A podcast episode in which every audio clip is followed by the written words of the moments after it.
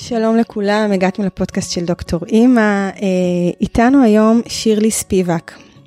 שירלי היא אימא של אבי, זוגתו של נחום, ואישה שמחפשת את דרכה בעודה עייפה מדי ומחפשת את סודות העולם החינוך הביתי. מי היא בעצם? אפילו היא עוד לא יודעת, כיוון שכל מסע האימהות הוציא ממנה דברים שונים, ובכל יום היא מגלה דברים נוספים על הילדה, על הילדה שהייתה בעצמה. היו בה שלוש אימהות, זאת שלא רצתה בכלל להיות אימא, זאת שהייתה בהיריון, וזאת שנולדה יחד עם לוי. שירלי היא ילדה רגישה מאוד, שהפכה לאדם רגיש מאוד, שמגדלת כנראה ילד רגיש מאוד, ולומדת על שניהם במקביל. היי שירלי. היי ענבל, או דוקטור אימא, ככה אני קוראת לך בבית. קודם כל תודה שבאת. תודה שהזמנת. ורציתי גם לספר למאזינים שלנו שאני לא כל כך מכירה אותך, אז כל השיחה הזאת היום היא גם מאוד מסקרנת אותי, וכל מה שתביאי הוא חדש גם בשבילי. אה, אבל משהו ב, בתקשורת בינינו לפני זה, ככה גם כתבתי לך זה שסקרן אותי. ו, ואני זוכרת שהתחלת מזה שכתבת לי למה אין פרקים על אה, אימהות לילדים קטנים, ואת לא היחידה שביקשה. יש, אה, יש אימהות שצריכות את, ה, את הדבר הזה שהוא תוך כדי. כן, טוב, אז זה חדש גם לי. למעשה באמת אני פניתי אלייך כי אני מקשיבה לפודקאסט, מקשיבה לו כבר הרבה זמן, היו לי הרבה נסיעות ארוכות והוא העביר את זמני, לפעמים אפילו משכתי את הדרך כדי לסיים פרק. אה, וזה נתן לי המון, המון המון, כי כשאני התחלתי אז למעשה הרגיש לי ממש בודד. ולא ידעתי, לא למי לפנות ולא עם מי לדבר. כשאני אומרת כשאני התחלתי זה כשאני התחלתי את מסע האימהות, אבל בוא נגיד שמגיל שישה חודשים של אבי, פתאום זה תינוק שהוא גם מגיב וצריך גם לעשות דברים ופתאום כולם בגנים ומה עושים ולמי פונים ועם מי מדברים ואיכשהו מצאתי את הפודקאסט שלך מאחת הקבוצות וזה היה לי כמו באמת אור באפלה. אה, והקשבתי להכל וכל הזמן אמרתי אבל רגע אבל זה לילדים יותר גדולים אבל מה עושים בגיל הזה אז זה לא נחשב לא ידעתי בכלל שיש דבר כזה חינוך ביתי או חינוך מהבית. ומאוד נהניתי לשמוע אפילו על ילדים יותר גדולים פשוט היה נראה לי נורא רחוק. ולא הצלחתי למצוא את עצמי בתוך הפודקאסט זאת אומרת מישהי טוב כל אחד הוא שונה מן הסתם לא מצפה שבדיוק זה יהיה אבל באמת את הגילאים היותר קטנים שזה נראה לי שלב כל כך מאתגר כי אני אומרת בטח זה הגיל להביא עכשיו בן שנה וחצי שאימהות נשברות נשברות במרכאות אני אומרת שמות בגנים. אה, נשברות כי זה לא משהו שאת באמת רוצה לעשות כמוני אבל גם אני לא יודעת מה לעשות בבית. איך מה, מה עושים איך מתנהלים איך ממשיכים גם ככה זה סופר מאתגר את מוצאת את עצמך. מה, מה עושים עכשיו עם ילד בבית באמת נכון ילד שלי אני אני אמור לגדל אותו אבל בעצם עושים לזה outsourcing ומה מה עכשיו אני עושה עם ילד בן שנה וחצי שהוא כבר לא תינוק הוא פעוט או איך שמוגדר בעולם וצריך להעסיק אותו ויש לו עולם שדורש מענה לא רק הצרכים הפיזיים שהוא עוד לגמרי תלוי בך אבל. זאת אומרת אני צריכה למצוא מה לעשות איתו זה לא לקום בבוקר ורק לשרוד ולזה אני עדיין לא מוצאת תשובה. ואולי אין אולי צריך אה, לאתר את הדרך לבד. אמ, ולכן פניתי אלייך. זה כל זה בשביל להגיד אמרתי רגע בטח מישהו עשה את זה לפניי הרי כולם יש פה אימהות לילדים בני 6 ו7 ו8 שמתראיינות כולם עברו דרך השנה וחצי. עברו. ואיכשהו כן. כשכנראה מסתכלים אחורה והן מגיעות אלייך להתראיין או כותבות או קורות. זה פתאום נראה מה זה? הגיל הכי פשוט. כמו שאני היום רואה אימהות עם תינוקות בשלושה חודשים אני אומרת מה למה התלוננתי? זה כל כך קל הם רק ישנים ואוכלים וזה אני לא זוכרת את הקושי. וכנראה שגם כשאת מדברת ממרומי גיל יותר גדול אז זה נראה מה גיל שנה וחצי אין מה לעשות איתו זו התשובה שאני מקבלת רק להיות. שזה קצת לפעמים מרגיש אפילו עוד יותר בודד. נכון. Uh, כי זה לא באמת רק נכון זה רק להיות זה לא ילד בן שלוש או ארבע אבל זה לא ממש. Uh, אז לכן אמרתי אני הייתי רוצה להיות שאם יש אימהות שמקשיבות שהן שהם באמת יש להם ילד בגיל הזה אז אז קודם כל תדעו שאתם לא לבד אתם לא לבד כי גם לי זה היה חסר אני רוצה לשמוע עוד אימהות שמספרות על הקושי. אמ, כי מה שטוב זה טוב זה את יודעת זה. זאת אומרת זה טוב זה קל והיום יש לפחות ככה אני מרגישה או שאני יותר מדי חיה את עולם האינסטגרם וכולי. הכל קל לכולן והכל פשוט לא, לא, זה רק פילטר. אה, זה פילטר, כן, אני יודעת, ועדיין כשרואים את זה, זה... אז בואי נס... בוא נדבר, כאילו, איך, איך זה הולך אצלכם, והייתי שמחה אפילו שתתחילי בלמה הוא בבית. אמ, כי אני לא יכולה להיפרד ממנו. זו המציאות, וזה גם נראה לי קצת מוזר לתת למישהו אחר לגדל לי את הילד ברמה של אמ, להאכיל אותו, להחליף לו. אני אפילו לא מדברת על הצרכים הרגשיים. נגיד רק במובן הפיזי, אני אומרת, זה נראה לי, כל עוד הוא תלוי, איך אני יכולה לתת למישהו אחר לעשות את הדברים הכל כך רגישים, אינטימיים, אישיים האלה? זה הדבר הראשון. Uh, הדבר השני, שבאמת במובן הרגשי, הוא בן יחיד, לי, ואני, כמו שהצגת אותי, מבינה היום דרכו שאני הייתי ילדה רגישה מאוד שלא קיבלה שום מענה לצרכים האלה. היום רק אני מבינה. אה, ואני עוד לא יודעת אם הוא רגיש, הוא רגיש ללא ספק, אני עוד לא יודעת אם מאוד הקשבתי לפרק על זה ואני מקווה שאני לא משליכה, זה נושא אחר שעוד אה, צריך לפתוח. אה, כל פיפס שלו הוא מקבל מענה, אני מכירה כל, כל פנייה, כל צורך, כל קול, כל מבט. אם מתחיל להימאס לו, אם טוב לו, אם כיף לו, אם הוא רוצה, מתחיל להיות רעב או לא, אף אחד לא יתייחס אליו ככה במקום אחר. וזו גם שאלה שאני שואלת את עצמי כל הזמן, הוא איתך בבית בגלל שאת באמת מאמינה שזה המקום הכי טוב בשבילו, או בגלל שזה סוג של, קוראים לזה הורות הליקופטר כזה, שאתה רוצה לשלוט ולדעת.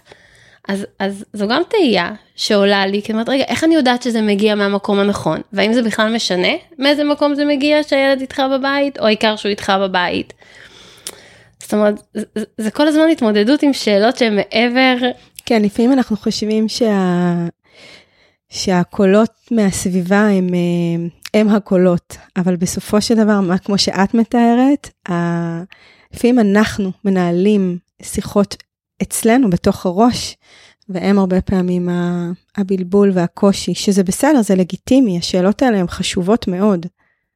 כן, והן ממשיכות לבלבל, בגלל שזה כל הזמן להטיל ספק אה, בהחלטות ולהטיל ספק במניעים. אני חושבת שזה אחת המתנות הכי גדולות, כל הזמן להטיל ספק. אני, אם הייתי צריכה לתת מתנה להורים, אז הייתי אומרת להם, אין אוטומטים. כל הזמן תשאלו שאלות, כל הזמן תטילו ספק. אני חושבת שלפחות במקום הזה, אה, אני חושבת שזה, שזה מקום טוב. אין הרבה מקומות שאני יכולה להגיד, אה, זה טוב, זה לא טוב. אבל להטיל ספק ולשאול שאלות, בעיניי זה מקום, אה, מקום של התפתחות, מקום שטוב להיות בו, בטח כהורים, כי יש כל הזמן תנועה, והדברים כל הזמן משתנים. כל הזמן, זה מאוד מעייף, אבל זאת אומרת מעבר, נכון. אני, אני מסתכלת על הורים שלו, יש סביבי המון כאלה. ולפעמים אני קצת מקנאה גם, כי אומרת זה כל כך קל לאחרים, ולמה את לא קצת יותר כזאת? למה כל הזמן לחשוב? את יודעת, יש סדר מסוים שאנשים הולכים לפיו, ולמה פשוט לא לצעוד בשביל הזה? זה לא... כולם גדלים, נכון? את כל הזמן שומעת את זה. הנה, אנחנו גדלנו ככה ויצאנו בסדר גמור. לא בדיוק, אבל שזה אני הכי שונאת שאומרים, זה, זה, זה משגע אותי, אומרת, רגע, לא, הנה, גם אני גדלתי ככה, אז אני בסדר גמור? כן, אני בסדר, אני חיה, אני הקמתי משפחה, עבדתי, זאת אומרת, כל מה שעל פניו, אבל בפנים לא בטוח שהכל כמו שהוא אמור להיות. ואז עולה השאלה, אז רגע, אז, אז זה מה שמבטיח? זאת אומרת, לביא שהוא בחינוך מהבית, אז הוא כן יהיה יותר מקורקע, יותר יציב, יותר בטוח בעצמו, יותר... לא בטוח שחינוך מהבית זה הדבר היחיד. זה כל כך הרבה דברים, זה כל כך הרבה שאלות, שבלאו הכי אני בטוחה שכל הורה כמעט שואל את עצמו, ואז את מוסיפה לזה את השאלה של להיות בבית. בגיל שנה וחצי זה לא בדיוק חינוך מהבית גם לאלה שבאמת מחנכים מהבית. אתה אומר לך מה שנה וחצי. זה רק שנה וחצי, מה הוא כבר עושה? הוא לא עושה כלום. את באמת מתארת uh, שכבת uh, אוכלוסייה, בת, כאילו תת אוכלוסייה בתוך החינוך הביתי, שהיא הרבה פעמים באמת, כמו שאת מתארת, מרגישים לא פה ולא שם. כי רוב הילדים, הרבה מאוד מהחברים נכנסים לגנים, משפחה, אה, מסביבנו, ומצד שני, בחינוך הביתי, אני ערה לזה לגמרי, יש קצת סנוביזם כזה, שכאילו לפני גיל 3, 4, 5 אפילו, זה לא חינוך ביתי, את עם פעוט בבית, אבל בסוף מה שאת מתארת זה המון קשיים, המון התלבטויות, אתגרים יומיומיים, ומבחינתי זה הכל, אני חושבת שבכל כך הרבה הזדמנויות יצא לי להגיד את זה, שזה לא משנה באיזה גיל. אימא עם תינוק בבית, בחינוך מהבית, נקרא לזה חינוך מהבית, נקרא לזה חינוך ביתי, זה סמנטיקה. בסוף את איתו בבית, את מתעוררת איתו, את הולכת איתו לישון, את דואגת לכל הצרכים שלו, את, את אחראית עליו בכל המובנים. זה נכון, זה, זה, זה בדיוק זה. זה לקום ולישון ולהאכיל את כל הארוחות של היום ולנקות את כל הניקיונות של היום, ותוך כדי, דווקא בגיל הזה אין להם אפילו רגע אחד עם עצמם, זאת אומרת שלך אין רגע אחד עם עצמך. נכון. אפילו לא שנייה. אה, מקלחת זה עדיין בגדר מותרות, זאת אומרת, זה לא... כן, את באמת באמת בשלב שהוא... שאני מאוד מאוד שמחה שנפגשנו. את אומרת את זה ובא לי לבכות, ממש ככה עולות לי הדמעות, כי, כי זה באמת משהו שלא מובן. זה נראה קל, זה עולה, רגישה מאוד אמרנו, אבל... אה, וגם אין לזה ממש, כמו שאת אומרת, מתוך העולם הזה, הכרה, כי את עם פעוט בבית, תעשי, תעשי איתו מה שאת עושה. זה מהצד אחר, ובטח מהצד השני, קשה לך אז תשלחי, למה את לא עושה כמו כולם? זאת אומרת, את באמת בתפר, אני אומרת לך ממרום שנותיי בחינוך ביתי, זה, אחד, זה התפר הכי מאתגר.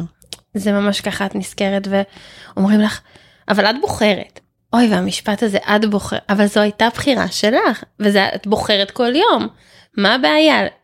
רגע, אז קודם כל זה שזה בחירה זה לא אומר שאסור להתלונן במרכאות, נכון. או לדבר או לשתף. וכן, אין סביבה, ואז את אומרת, אוקיי, אז אולי אני לא צריכה לגיטימציה מהסביבה, כל העניין הוא לבנות בתוך עצמך את ה...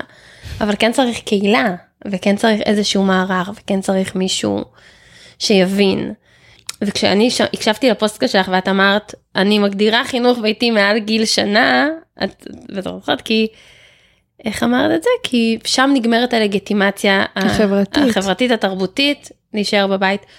וחזרתי, התקשרתי לנחום, אמרתי לו, נחום, נחום, אני חינוך ביתי, זהו, אני יכולה להגיד שאני חינוך ביתי, איזה כיף. כי לפעמים זה נדרש, צריך את זה. רגע, מישהו שיגיד לך, כן, את חלק מהקהילה הזאת של חינוך ביתי, ומותר לך, מותר לך. מותר לך שיהיה לך קשה. אבל את מעלה פה משהו נורא חשוב, את מדברת על הקושי, ושהוא בעצם לא מקבל הכרה ולגיטימציה. אבל שוב אני חוזרת לתפר הזה, כי בעיניי זו, נקודה מאוד מאוד חשובה להמון בטח אימהות שיקשיבו לזה, והן ברגע הזה, מזה בין שנתיים, שנה וחצי, שנתיים וחצי, אומרת, סביב הגילאים האלה, שנה עד ארבע אפילו, זה תפר שהוא קריטי. הלגיטימציה לקושי לא מקבלת הכרה באף מקום כמעט, ולפעמים זה גם בתוך הבית. לפעמים זה בדיוק השלבים האלה של גישוש הצעדים ורק ההתחלה, ו, וגם לפעמים בן הזוג לא מבין לאן כל זה הולך, ורגע, עד עכשיו עוד איכשהו היית בבית, אבל מה עכשיו הולך לקרות? זאת אומרת, זה באמת אה, שלב שחשוב לעצור בזמן אמת, כמו שאנחנו עושות עכשיו, ולא רק להתרפק על זיכרונות ה... אז זה היה פשוט. ואם את יכולה, כן, כי את שם, לספר איך זה אצלך, איך הסביבה, איך בן הזוג, איך, איך, איך אפילו בקהילות שאת אולי מנסה. אז אני אתחיל, אני קודם, אני ראשית אספר על, אה, על לביא. הוא מאוד פעיל. זאת אומרת, הוא ילד פעלתן, הוא נינג'ה אמיתי, אולי כל הבנים כאלה, אולי לא, אני לא יודעת, לא, לא אוהבת להכליל, אבל הוא נינג'ה, זאת אומרת שהוא באמת צריך תעסוקה מבוקר עד ערב. הוא גם לא חובב שינה מרובה, אז גם את זה אנחנו לא... אין שנאצים. לא, לא כל כך, לא. הוא סקרן, והוא רוצה להיות כל הזמן בחוץ, וכל הזמן בריצה, ומשחקים בבית, קצת לשבת, זה לא קורה. אני, למה אני מספרת את זה? בגלל הקושי שמתעורר לא רק מבחינה חברתית חיצונית שלא נותנים לך לגיטימציה, אלא גם אצלי. שאני אומרת, שנייה, אבל יכול להיות שאם הוא יהיה במקום אחר, אז כן יעסיקו אותו, ואז עולה הקול של אולי הוא צריך חברים. שאלת השאלות. הוא צריך חברים, מה זאת אומרת?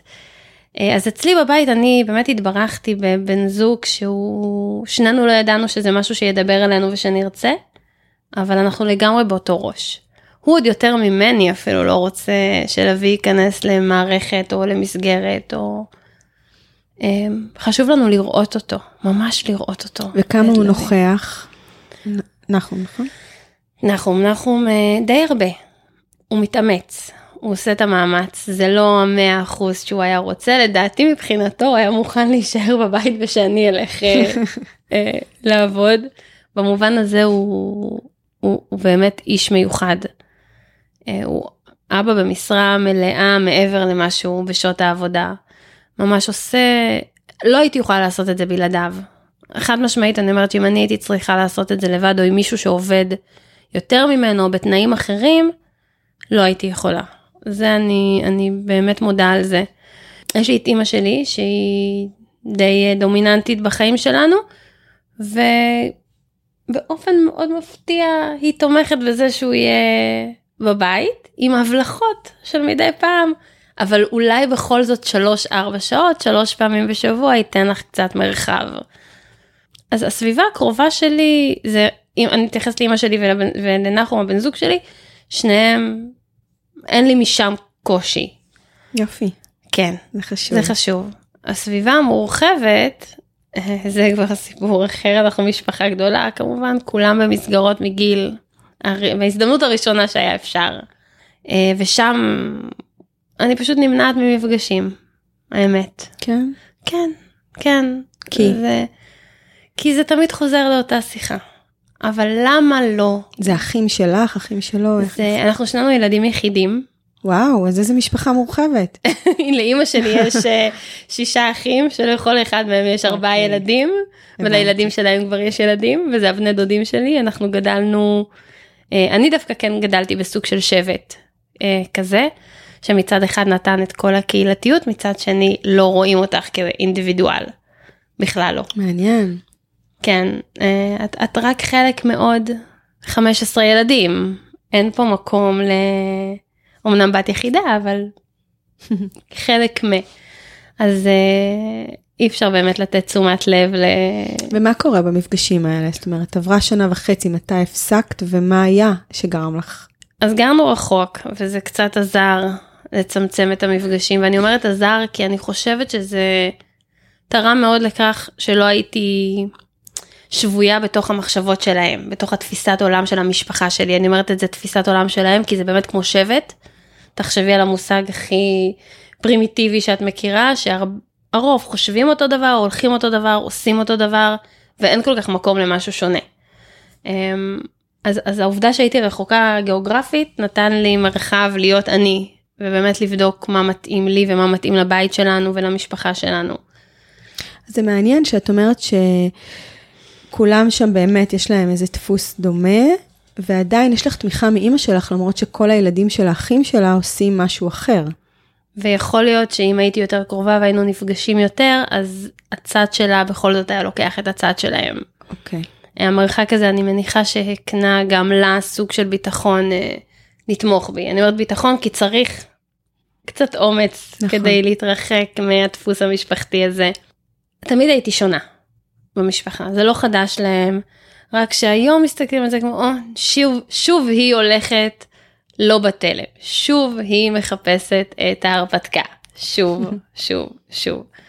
אז אני רגילה להתמודד עם, עם ההשקפה הזאת שמסתכלים עליי ככה, רק שקצת יותר קשה לי היום בנושא הזה, מכיוון שזה חדש לי, אין לי עוד דעה מוצקה לגבי זה. לא עבדתי קודם. אה, הייתי עצמאית, כתבתי ספר, כן, כן, יותר מדריך, ו... ולא היה לי לאן לחזור.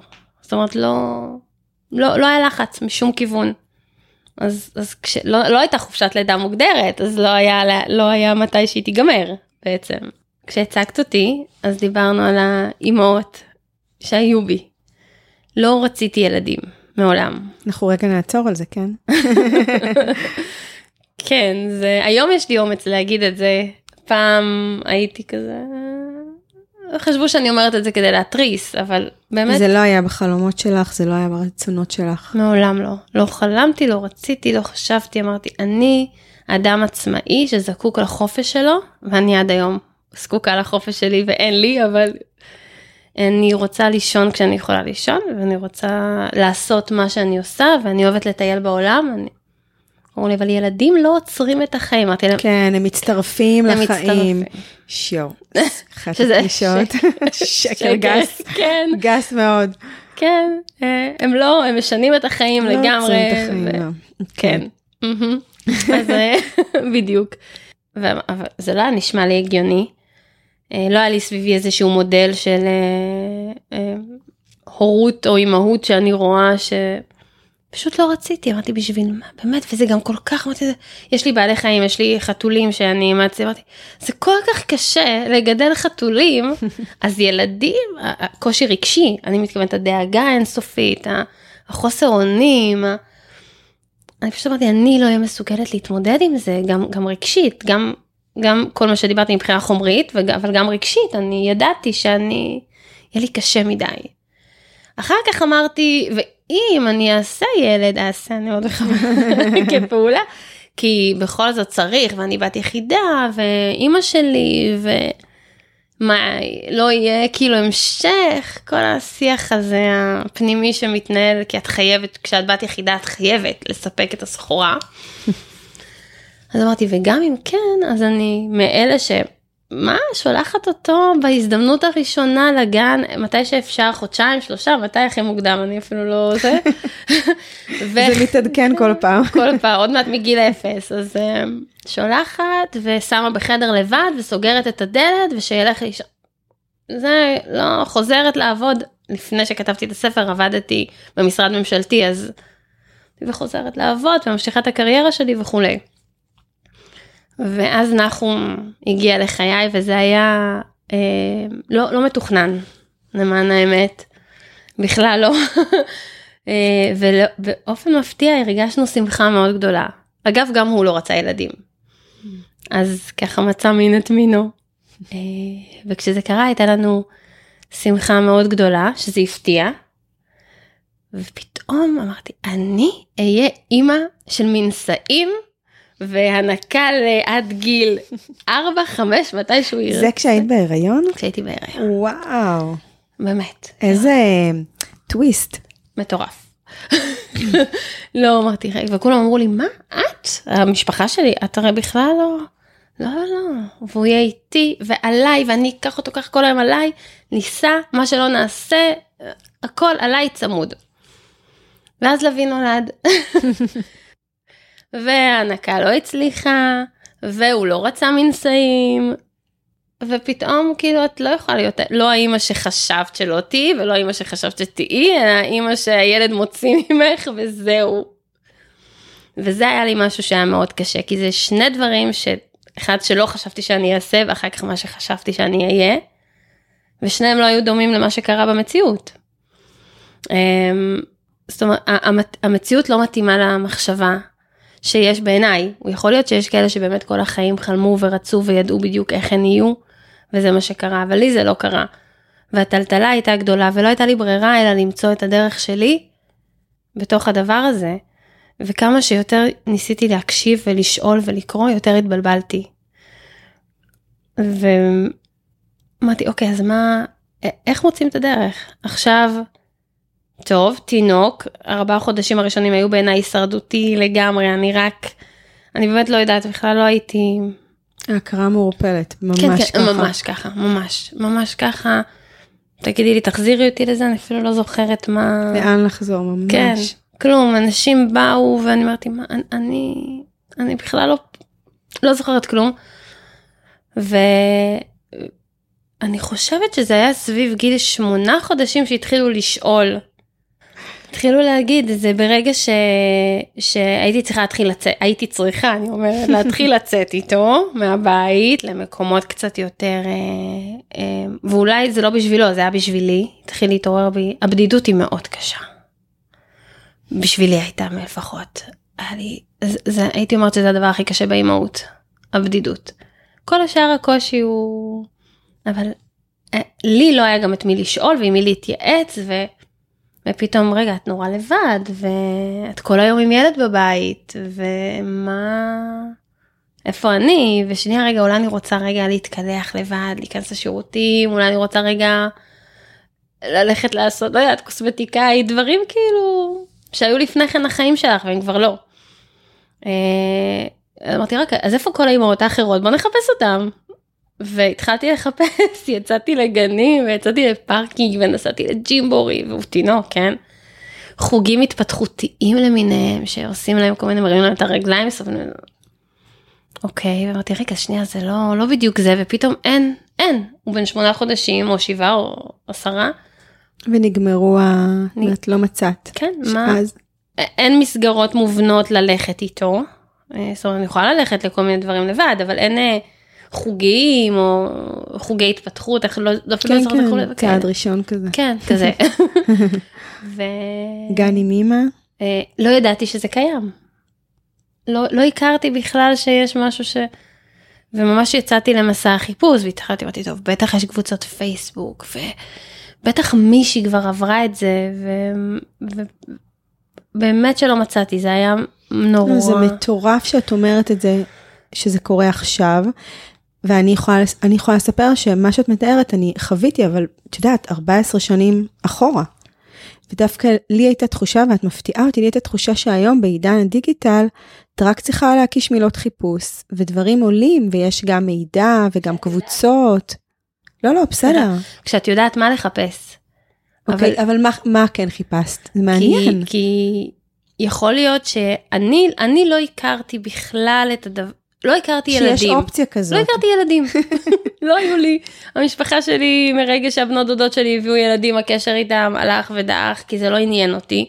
זה לא היה העולם שלי, לא היה אכפת לי מזה בכלל.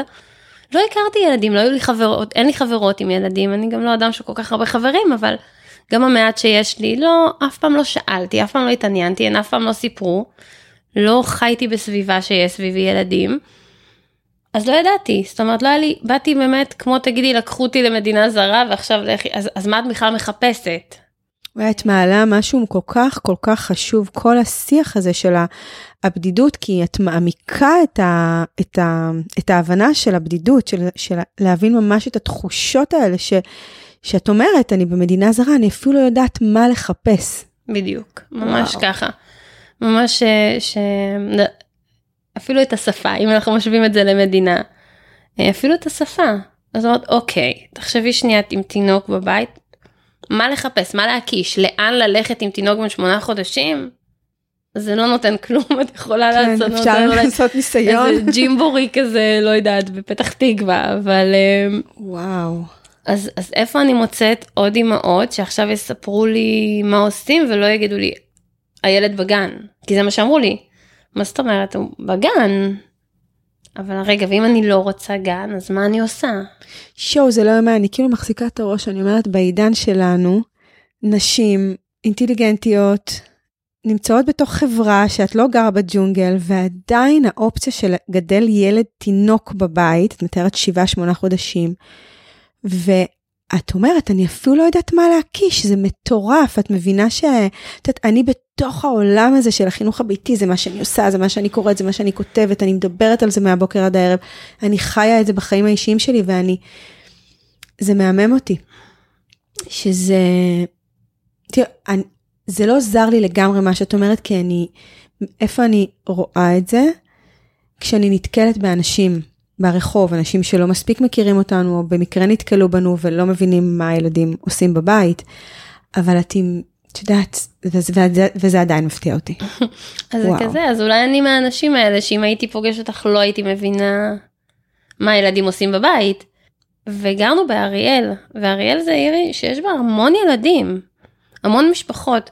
לפעמים אני זוכרת שהיה פעם עשו איזשהו, אה, איך קוראים לזה שיש כזה, הפנינג? הפנינג, כזה, בדיוק. וראיתי המון ילדים בגיל של אבי. ואמרתי לנחום, רגע, איפה כל האנשים האלה ביום יום? אני, אני, איך זה יכול להיות שיש פה וואו. כל כך הרבה ילדים בגיל של אבי ואני כל כך בודדה? יש פה כל כך הרבה אימהות, ו... וזה לא, כי אם יש אימהות שיש להם תינוק אז בדרך כלל יש להם עוד ילדים, ואז הילדים הגדולים כבר עם הקטנים, וזה לא, הם לא מחפשים את, הח... הם לא מחפשות את החברה.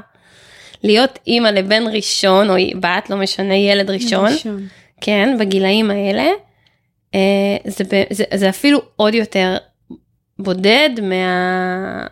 מכשיש לך ילד שני או שלישי, כי את יודעת שאני לא יודעת אם שמעת את זה, אבל הרבה, הרבה נשים, אה, אימהות מתארות, אני חושבת שגם אני אמרתי את זה יותר מפעם אחת, ש, ש, שזה אולי זה נשמע מוזר, אבל להיות עם ילד אחד בבית, זה יותר קשה מלהיות עם יותר ילדים בבית. זה באמת מוזר.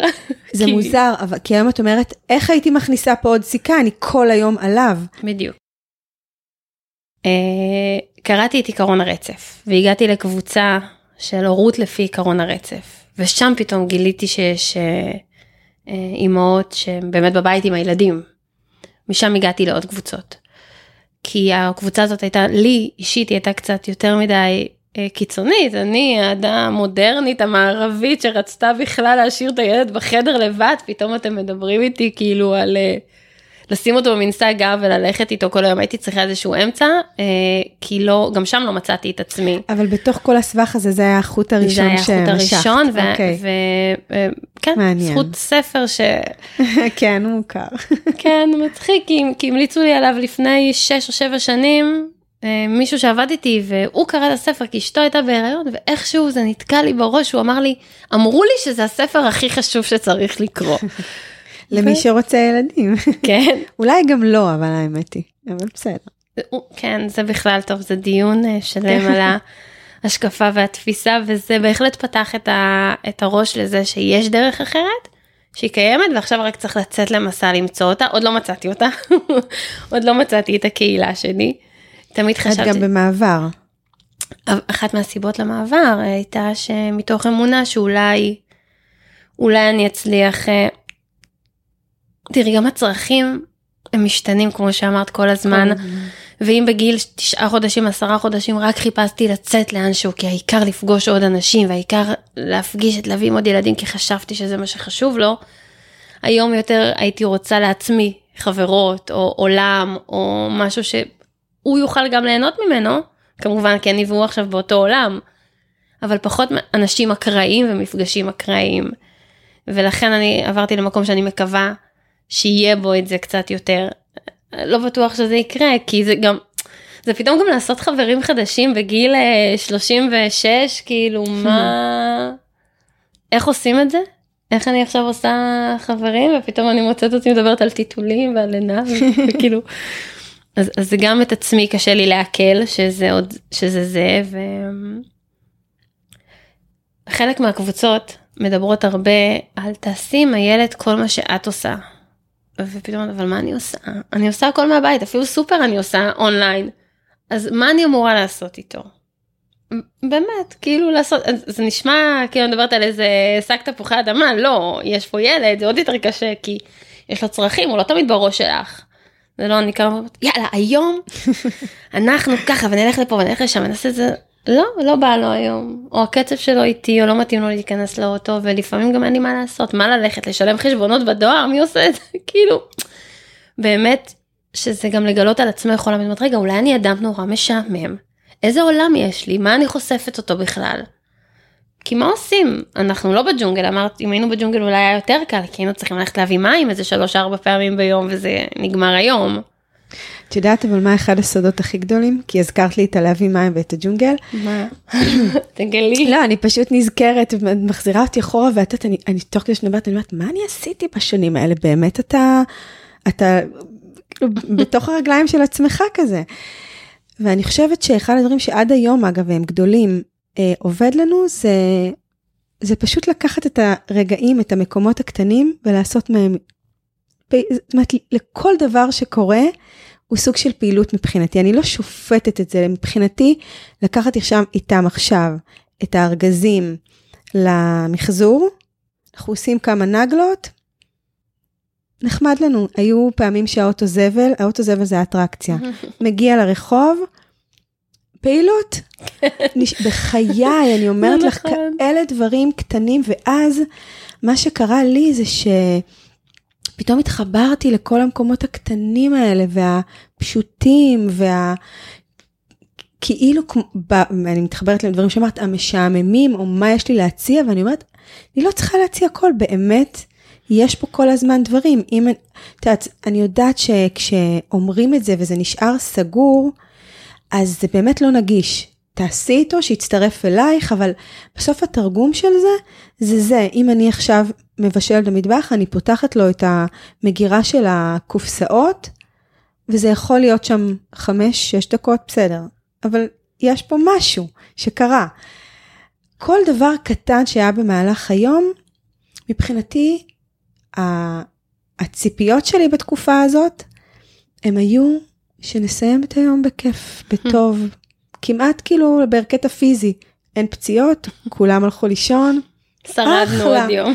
כן, אפילו, אבל למקום של הישרדות, לא רק הסיזיפית הזאת, שאני לגמרי זוכרת אותה גם היום, מדעי אנשים הם סיזיפיים, אבל של כזה, של פשוט, פשוט, פשוט, כאילו ללכת מבחינתי גם היום, אני קופצת איתם אחר הצהריים לפארק פה, הייתה לנו פעילות, אחלה פעילות.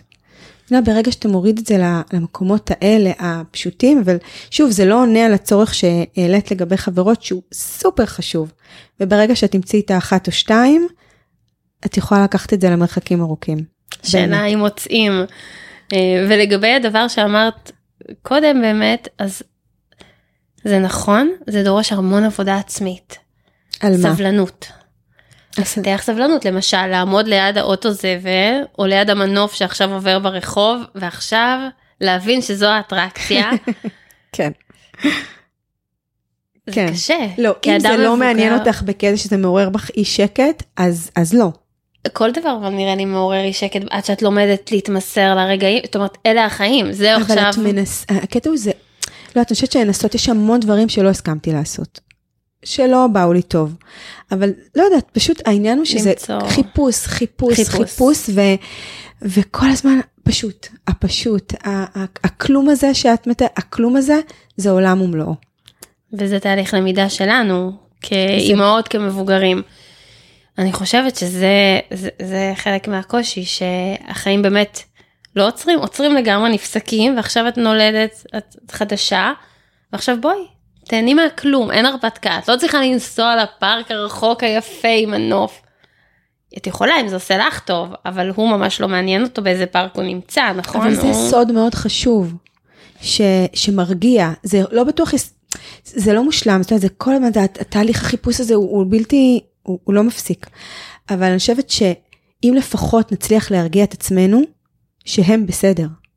הם בסדר. אם אני אהיה בסדר, אם אני אמצא את המקום שבו אני יחסית סבלנית, יחסית בטוב, מוצאת לעצמי עוד פיסות פירורים של דברים שהם גם לא קשורים אליו, אבל בסוף, אם אני בסדר, הוא בסדר. זה מה שקשה. אני מרגישה בדיוק מה שאת עכשיו מדברת עליו, העניין הזה שיש לך פה אדם, תינוק, אבל הוא אדם שיש לו צרכים, ואת רוצה לספק אותם, ומתי את יודעת, לפעמים זה מרגיש לי שזה הוא או אני, בקיצון. זאת אומרת, יש כזה, אני, שהצרכים מתנגשים. כן, אני מרגישה שזה השלב הזה. אם את אומרת שזה נקודת התפר, קו התפר, הייתי אומרת, אני תמיד אומרת לנחום, נראה לי שזה השלב שרוב האימהות, שגם אם הן רוצות להשאיר בית ומאמינות בזה, הם ישימו בגן או באיזושהי מסגרת. כי זה מרגיש לי לפעמים שזה הוא או אני. זה יוצר את ההתנגשות הזאת. אמ, וזה קשה, כי באמת אין זמן אמיתי. אם את לבד, אם יש לך איזשהו גדוד, לא יודעת, מטפלות, סבתא לא, מאוד אף אחד, פעילה תדעי וכולי, שרוב הנשים הם לא עם גדודים. כן. רוב הנשים הם לבד, רוב האימהות בשלב הזה הם די לבד, ומה שמצליחים למצוא זה באמת מה שאת מייחלת לו, זה הקבוצה. אבל מה שאמרת על הצרכים המתנגשים, אני חושבת שזה מאוד מאוד חשוב, כי בהרבה מאוד מקרים הצרכים הם מתנגשים.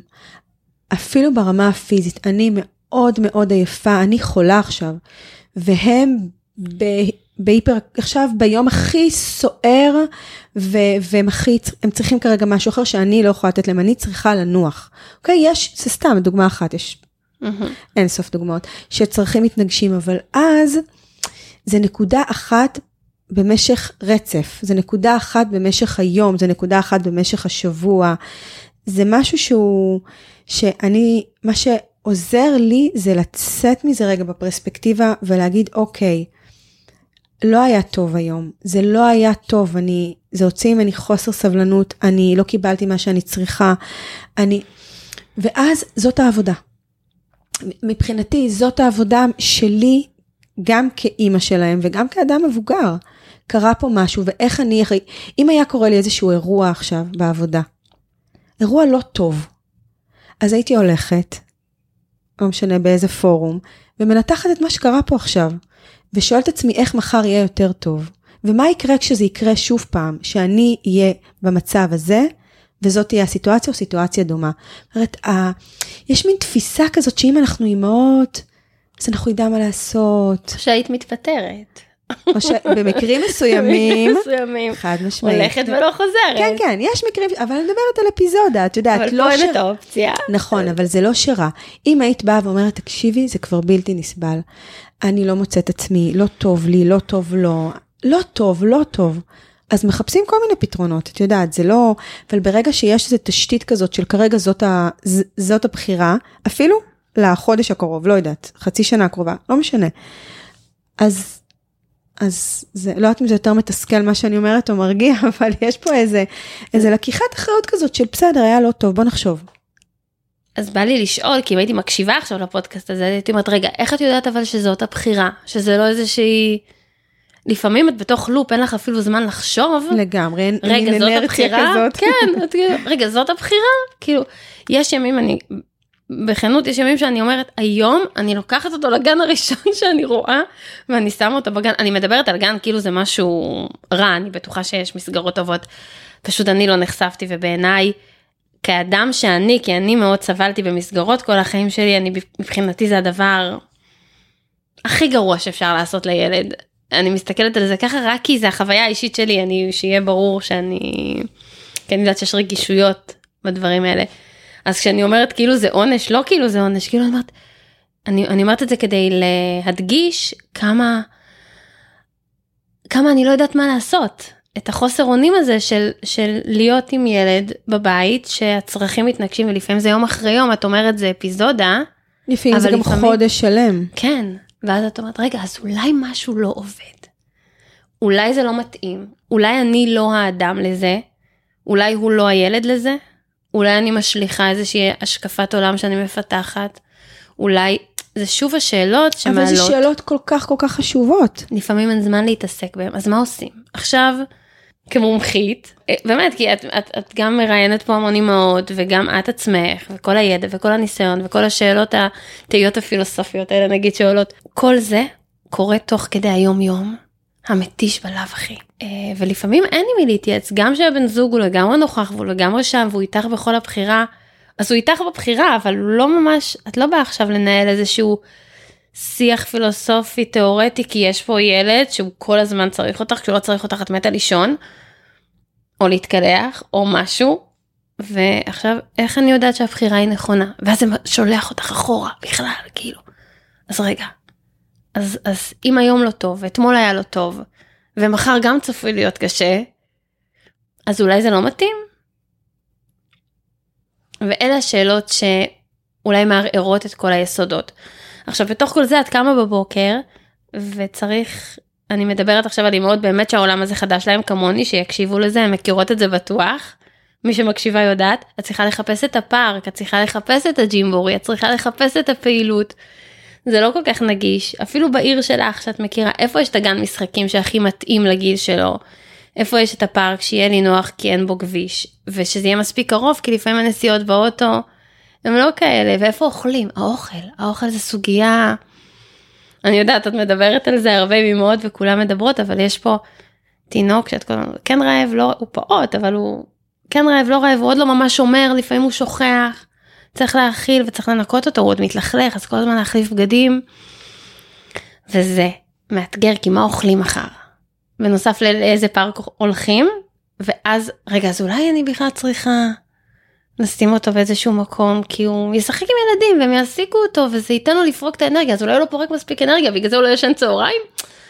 הכל עוד נורא בסיסי. זה עוד לא ילד מוצק ואת עוד לא אימא מוצקה. ו... ואני חוזרת כאילו פשוט לשאלה הבסיסית של איך את יודעת שזה מתאים לכם לבית שלכם לך איך את יודעת שאת אימא שיכולה אני לא מדברת על גיל 6-7 נגיד בית ספר בואי נשים את זה במשהו נפרד אבל איך את יודעת שבכלל עכשיו ואז אומרים לך לא בכל מקרה בבית יהיה לו יותר טוב מאשר עם כל גננת. כן? אני לא יודעת. אולי לא. כי יש לך תמיד את החברה שאומרת, הוא בגן יפרח. אז אולי הוא יפרח בגן ומת. אולי אני משליכה עליו דברים שלי. אולי זה מחשבות, רגשות, אולי את הרגישות שלי, את החוויות עבר שלי, את הטראומות. את זוכרת את ה... ששאלתי אותך למה הוא בבית? כן. את זוכרת מה ענית? אמ, משפט הראשון שלך. אה, מי החליף לו ו... שאת לא אותו? רוצה להיפרד לא ממנו. רוצה להיפרד ממנו. כן. את זוכרת? כן. נכון. כן. אני חושבת שאת מעלה דברים אה, מאוד מאוד מאוד, כאילו את נוגעת ב... בנימים החשופים כאלה, ממש ממש בקשיים הכי, שכל, כל, אני חושבת שהרבה מאוד, בוא נגיד, לא נגיד לא כל, אבל הרבה מאוד אימהות בשלב הזה מתחככות בקונפליקטים האלה, בשאלות האלה, בקושי הזה, בסיזיפיות, ב... אין לי זמן, ב... באמת, כי זה שלב מאוד מאוד סיזיפי. ולא יודעת, את שואלת את השאלה, איך אני יודעת, אני, לא, הדבר הראשון שרציתי זה לתת את השאלה הזאת לכל מיני נשים שפגשתי ולתת להם לענות על זה. כי, כי התשובה לדבר הזה מצד אחד היא יכולה להיות פשוטה וברורה, ומצד שני היא מאוד מורכבת ומאוד מאוד תלויה בך, במה את מרגישה, באיך זה לך, אבל לא סתם החזרתי אותך למשפט הראשון שאמרת. כי את אומרת שזה מספיק? אני לא אומרת שזה מספיק, אני אומרת, אני אתאר לך מה היה עובר עליי בימים האלה, כי עברתי המון ימים כאלה ותקופות כאלה, ותקופות של אחרי לידה, ואני עם פעוט ותינוק, ופעוטה, פעוט, תינוק, כאילו זה, ו, ולבד לגמרי. אז, ואני שואלת את עצמי, איך המשכתי לעשות את זה? כל יום, שנים. איך באמת? אז אני צריכה רק לחשוב על זה, לא סתם. אבל אני חושבת שמה שתמיד היה לי זה, קודם כל היו קשיים והיו שאלות ותהיות, אבל בסוף, בסוף, בסוף, לא רציתי להיפרד מהם. לא רציתי להיפרד מהם. והייתי לפעמים מנסה לדמיין סיטואציה אחרת. והייתי אומרת, שאני אמצא את המטפלת, אפילו לא הייתי הולכת לגן, הכי טובה שיש. בוא נגיד שמחר בבוקר, אפילו לא אימא שלי. יוסי אומר לי, עשינו אקזיט, אני איתם בבית, צאי. ו- ולא יכולתי לדמיין סיטואציה כזאת. לא רציתי. לא רציתי, רציתי להמשיך להיות איתם. ידעתי שזה קשה, ואני חושבת שאחד הדברים שיכולים לעזור זה תיאום ציפיות. זה לא אמור להיות קל. זה, זה, זה, זה מורכב מאוד לגדל ילדים, זה, זה המשימה הכי קשה לדעתי באנושות, הכי מורכבת. אבל מאוד רציתי להיות אימא, והם פה, אז אני מגדלת אותם. מבחינתי זה תמיד החזיר אותי לבייס הזה, וה- והמשיכו להיות קשיים, והמשיך, אבל משהו בפרספקטיבה הזאת, ש... את יודעת, ו- וגם, אני לא יודעת אם יש לך נקודות כאלה ביום שהן גם נקודות אור קטנות כאלה, כן, זה מה שמחזיק. אז אחרת. זהו, אז זה זה גם.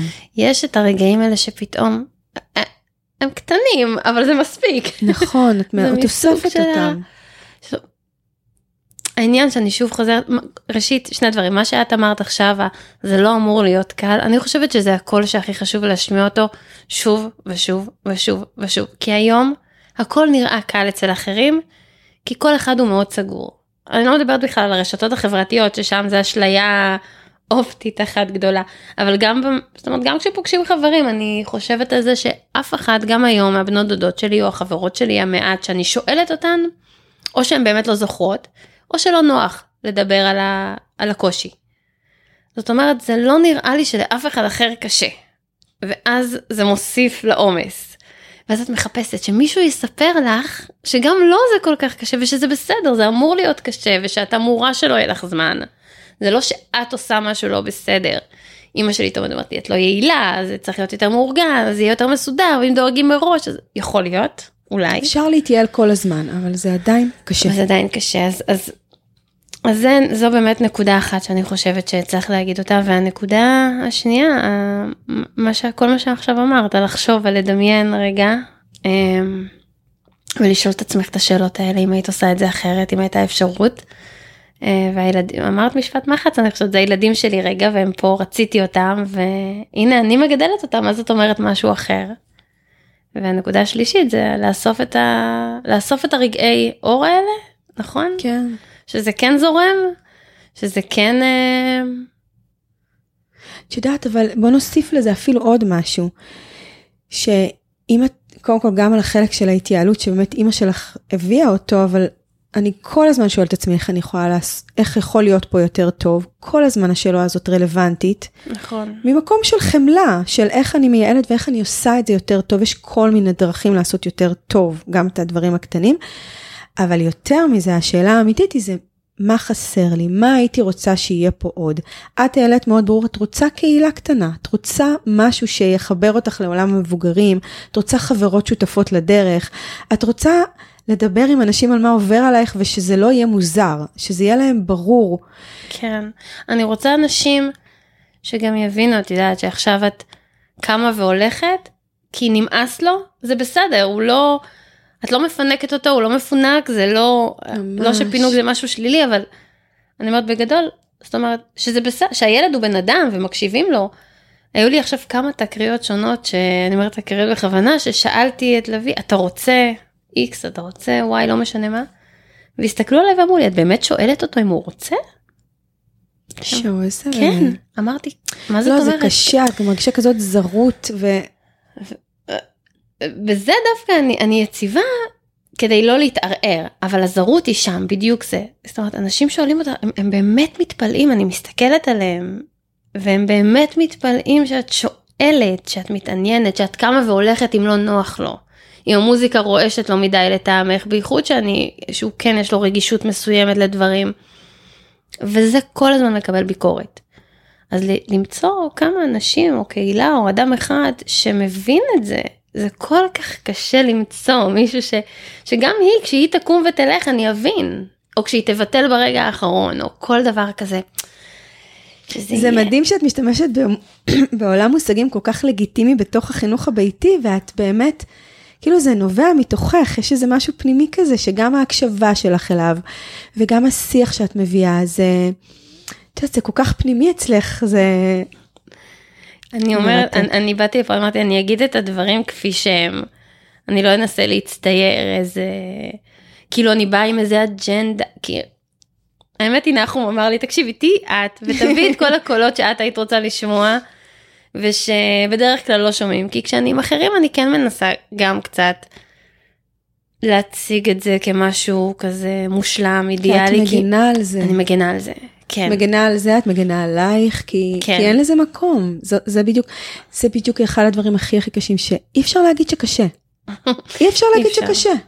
ו- וישר אומרים לך, ולפני, ממש לפני יומיים הייתי אצל אה, בת דודתי, ויש לה שתי בנות, ושתיהן חזרו מהגן בארבע וחצי.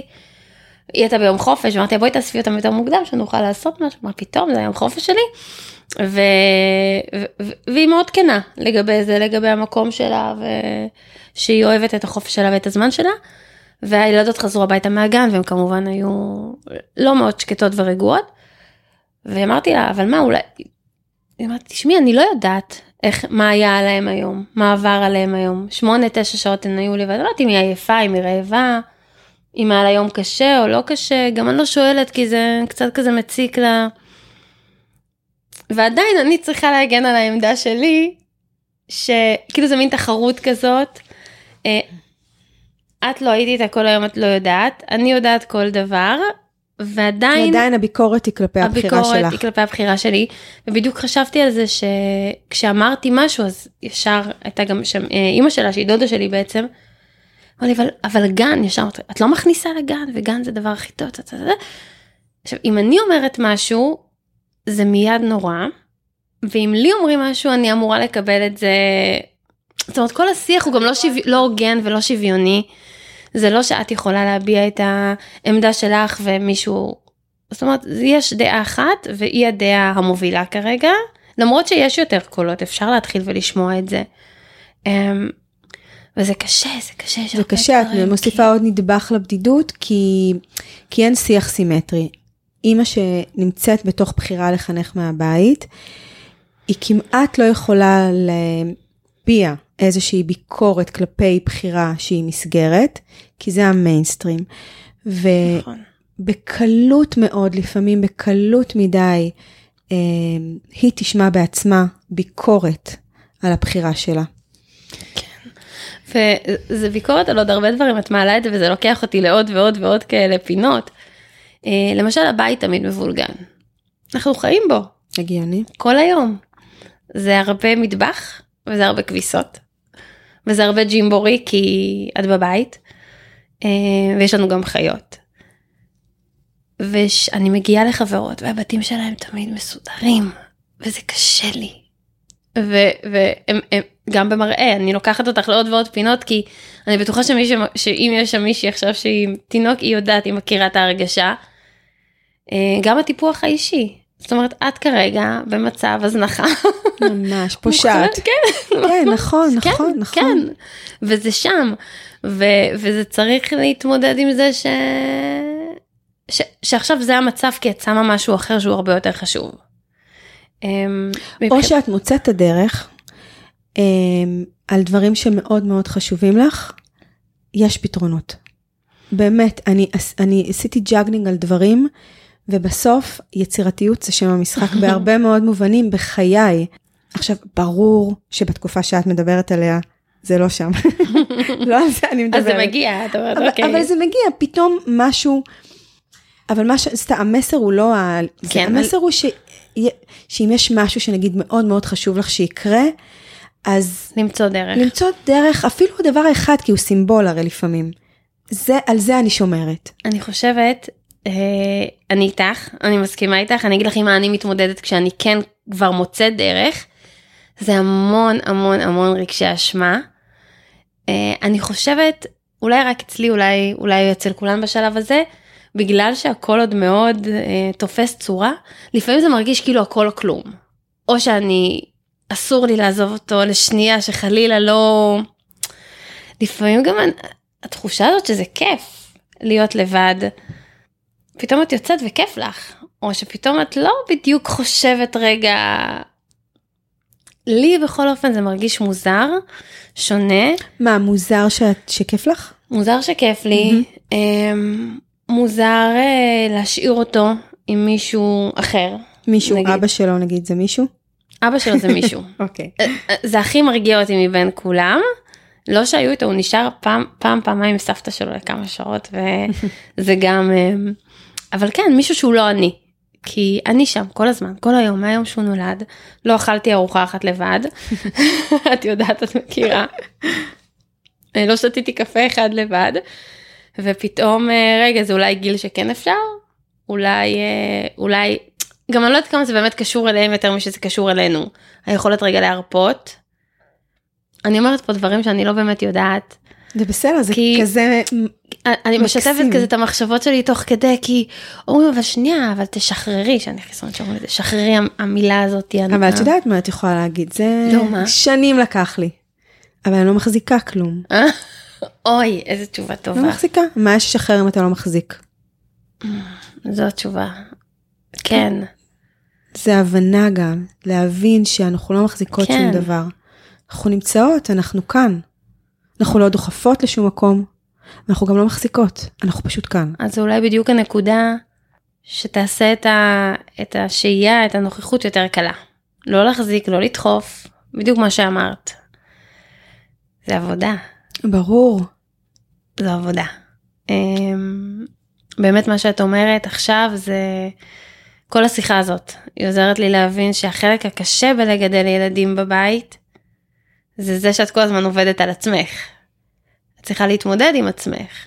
אולי משהו שלא קורה אם את יוצאת עכשיו לשמונה תשע שעות של עבודה ואחר כך מגיעים הביתה זה רק אה, פעולות פרקטיות כאלה לוגיסטיות. אז אין כל כך זמן אולי להתפתחות אישית אלא אם כן את באמת מקצה את הזמן. אבל כשאת עם הילד בבית את כל הזמן בהתפתחות. אמ, זה מאלץ אותך, את חייבת, אין פה אם אני לא, אני, אני מרגישה את זה יום יום שעה שעה, שאם אני לא אלמד עוד משהו על עצמי, או איך לתקן, או איך לשפר, או איך להיות אחרת, אני לא יכולה להישאר איתו בבית. אני, זאת אומרת, זה, זה כזה, אצלי, אני, אני לא יודעת, את אומרת, כן, זה, לא, אני, זה אני נכון? מסכימה איתך יותר מזה, את יודעת ש... אני כל הזמן אומרת שזה שאנחנו נמצאות עם הילדים בבית, אנחנו פוגשות את עצמנו כל הזמן, הם מראות שלנו, יש להם גלאים וחיישנים. אני יודעת שסתם לדוגמה, אם משהו מטריד אותי מבפנים, שלא קשור אליהם, יש גם דברים שנגיד, משהו שקרה במשפחה, משהו שחברה סיפרה לי, ואני ביום כזה של, אה, של דופק, יום לא טוב, המדהים הוא, והמעורר אימה זה, שהם מיד מגיבים לזה. אם משהו עובר עליי ואני לא בטוב, מיד הבית הוא יותר סוער, הם פחות נינוחים, יש לי פחות סבלנות, יש איזה מין מעגל כזה שאין לך לאן לברוח. את בתוך זה. זה לקחתי איזה אפיזודה חיצונית, אבל מה קורה אם אנחנו מתמודדות עם משהו שהוא גם פנימי? סתם השאלות האלה אפילו שאת מעלה, אם אני עושה את הדבר הנכון, איזה בלבול כזה, אני חושבת שכל מה שאנחנו עוברות הוא במין איזושהי השתקפות, ואנחנו מיד מקבלות פידבק. אז התיקון הזה, אמרת את המילה תיקון, והיא כל כך רלוונטית. אני חושבת שמה שאני עברתי בשנים של האימהות שלי, זאת התפתחות שלא הייתי עוברת, ואני לא מגזימה, בכמה גלגולים. ככה אני אומרת את זה, ואני עומדת מאחורי זה. הבן אדם שאני הייתי והבן אדם שאני היום, הוא... זה פשוט עולם אחר, לא הייתה מזדמנת לי על הגלגול הזה התפתחות כזאת. אז אני לא עושה את זה כדי להתפתח, אבל אני רואה את הערך העצום שאני מקבלת מהאימהות הזאת, מאיך שבחרתי לחיות את החיים שלי. וקל זה לא, כאילו כבר הסכמנו על זה, אני חושבת. אני חושבת שזה בדיוק ה... כשמדברים על אימהות, לדעתי לזה מתכוונים, כשאומרים אמ, את כל המשפטים האלה, לפחות סבתא שלי, כאילו הייתה אומרת על אימהות, אה, כמה זה... טוב, היא הייתה אומרת את זה, יודעת, בסגנון של פעם, ילדים באים כדי לתקן את מה שאתה עושה לא טוב, או דברים כאלה. זה מידה נראה לי נורא אנוכי, ולא ממש הבנתי, כי למה... זאת אומרת, לא ירדתי לסוף דעתה. היום אני מבינה שזה בדיוק מה שאת אומרת, זה לא שהם באים לתקן במובן ה... אלא פשוט רגשית, מנטלית, שכלית אפילו. זה מאלץ אותך. זה מאלץ אותך להיות מישהי שאת אמרת, שמי שהיית ומי שאת, זה שני עולמות שונים, נכון? כל הזמן, לא... אבל זה משתנה וכל הזמן זה משתנה. את זוכרת אותך לפני הילדים? את הדברים שהיו חשובים לך? אני זוכרת, קודם כל אני דמיינתי שאני אימא מגיל חמש, כאילו אני בלתי נסבלת בקטע הזה, אני תמיד תמיד וואו. רציתי להיות אימא, אני גם מבחינתי אהיה אימא גם אם לא אהיה בן זוג, כאילו דמיינתי את עצמי אימא בכל מקרה. למה? כי רציתי להיות אימא, מבחינתי זה חלק מהמס... כאילו זה משהו שנורא נורא רציתי, כאילו מבחינתי זה זכייה במפעל הפיס להיות אימא. ככה, כאילו זה, זה חלק מ... לא יודעת, מדברים שככה אני...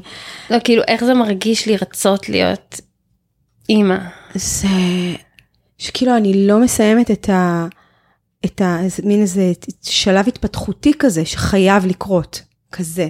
אבל לא היה לי מושג איזה אימא, זאת אומרת, לא תכננתי איזה אימא אני, היה לי ברור שהם ילכו למסגרת בשלב אפילו די מוקדם, אני אמשיך את הקריירה שלי, אבל, אבל את יודעת, דיברת על תיקון ואני אומרת, אני חושבת שבסוף בעניין של התיקון זה היכולת שלנו לתקן את עצמנו. כל הזמן, זאת אומרת, הרצון הזה, אפילו אם אני אקח את זה למילים קצת יותר פשוטות, אני רוצה להיות הגרסה הכי טובה של עצמי. כי אני יודעת שאם הם גדלים איתי, אני רוצה להיות הכי טובה שאני יכולה להיות בשבילי, קודם כל, ואני פה, כאילו, זה מה שהם רואים, זה מה שהם מקבלים. בגיל הזה זה גם משתקף, בגיל עכשיו שנה וחצי לפחות, אני יכולה להגיד, זה משתקף נורא. ממש כל מה שאני עושה זה חיקוי, הוא, הוא מחכה את זה באופן מוחלט. זה, אין לך... זה ממשיך. זה ממשיך? זה ממשיך, זה ממשיך כל הזמן. זה מפחיד נורא, כי פתאום את אומרת, רגע, מה אני מעבירה לו?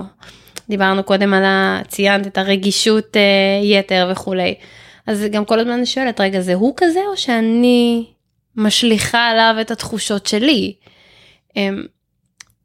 זה המון אחריות.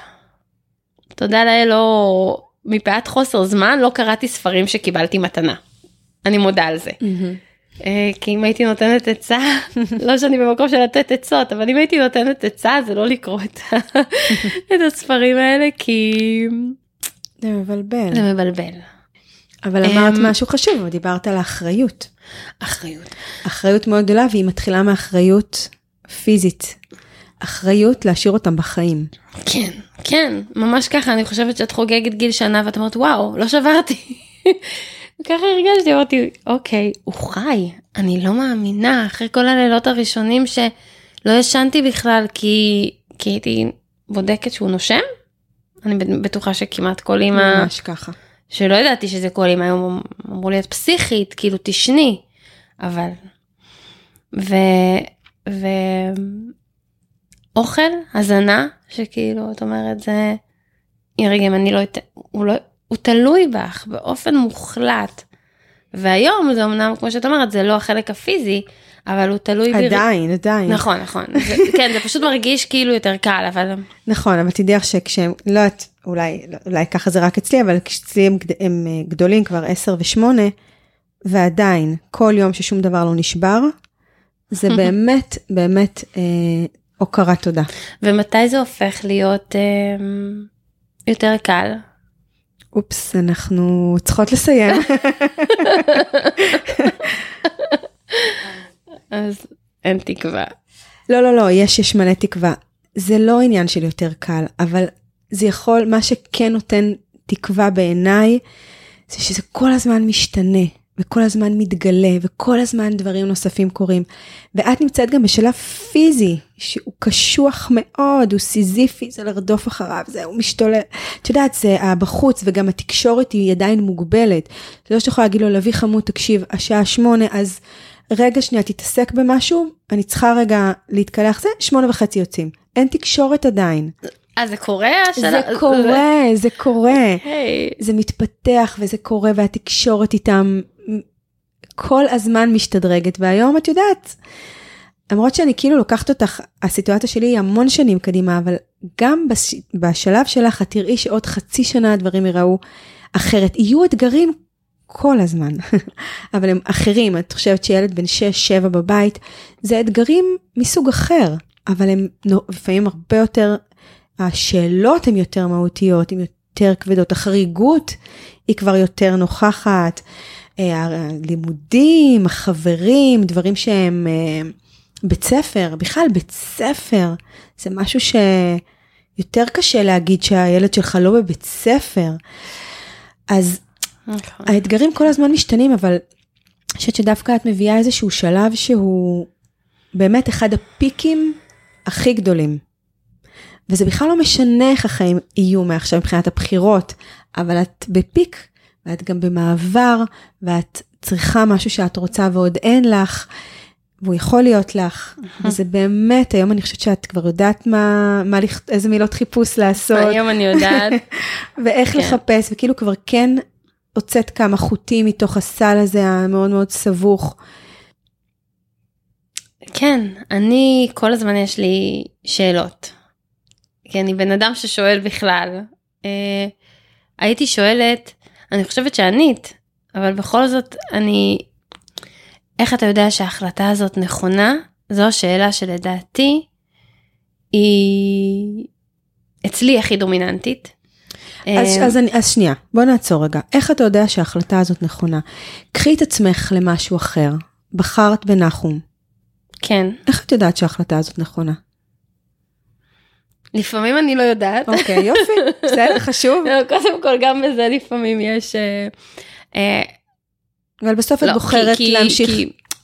בואי, גם זוגיות בשנה, זאת אומרת, מתמודדים עם זה, אבל הזוגיות זה סופר קשה. זה עניין בכלל, אנחנו מסכימים על כל הדברים העקרוניים והערכיים בגידול של אבי, ואני אומרת תודה לאל על זה כל הזמן. אבל המערכת יחסים היא עוברת, אני בכלל לא מי שאני, את דיברת על, האמ, על האימא שהיית לפני והאימא שהיית אחרי, אמרת תמיד רצית להיות אימא אז אולי. ואני חושבת על הדברים שהיו לי חשוב, חשובים קודם, למשל, ואני מסתכלת על עצמי היום, וזה בכלל לא אותו עולם. ותוך כדי שאני מגדלת את לוי, אני צריכה גם לגדל את עצמי, אני קוראת לזה, זה נשמע קצת כאילו הזוי, אבל כן, לא, אני... זה מאוד מובן. אני אומרת, רגע, שנייה, אז מי אני? בכלל, אבל יש לך זמן עכשיו לצאת למסע חיפוש עצמי כשאת מגדלת ילד ואת צריכה את לא צריכה זמן, את בתוך המסע. את מבינה את זה? לא. את בתוך המסע. עכשיו את אומרת את זה בשנייה, אני רגע צריכה... את לא צריך לחפש את המסע, את, את בתוך המסע, את על השביל כבר.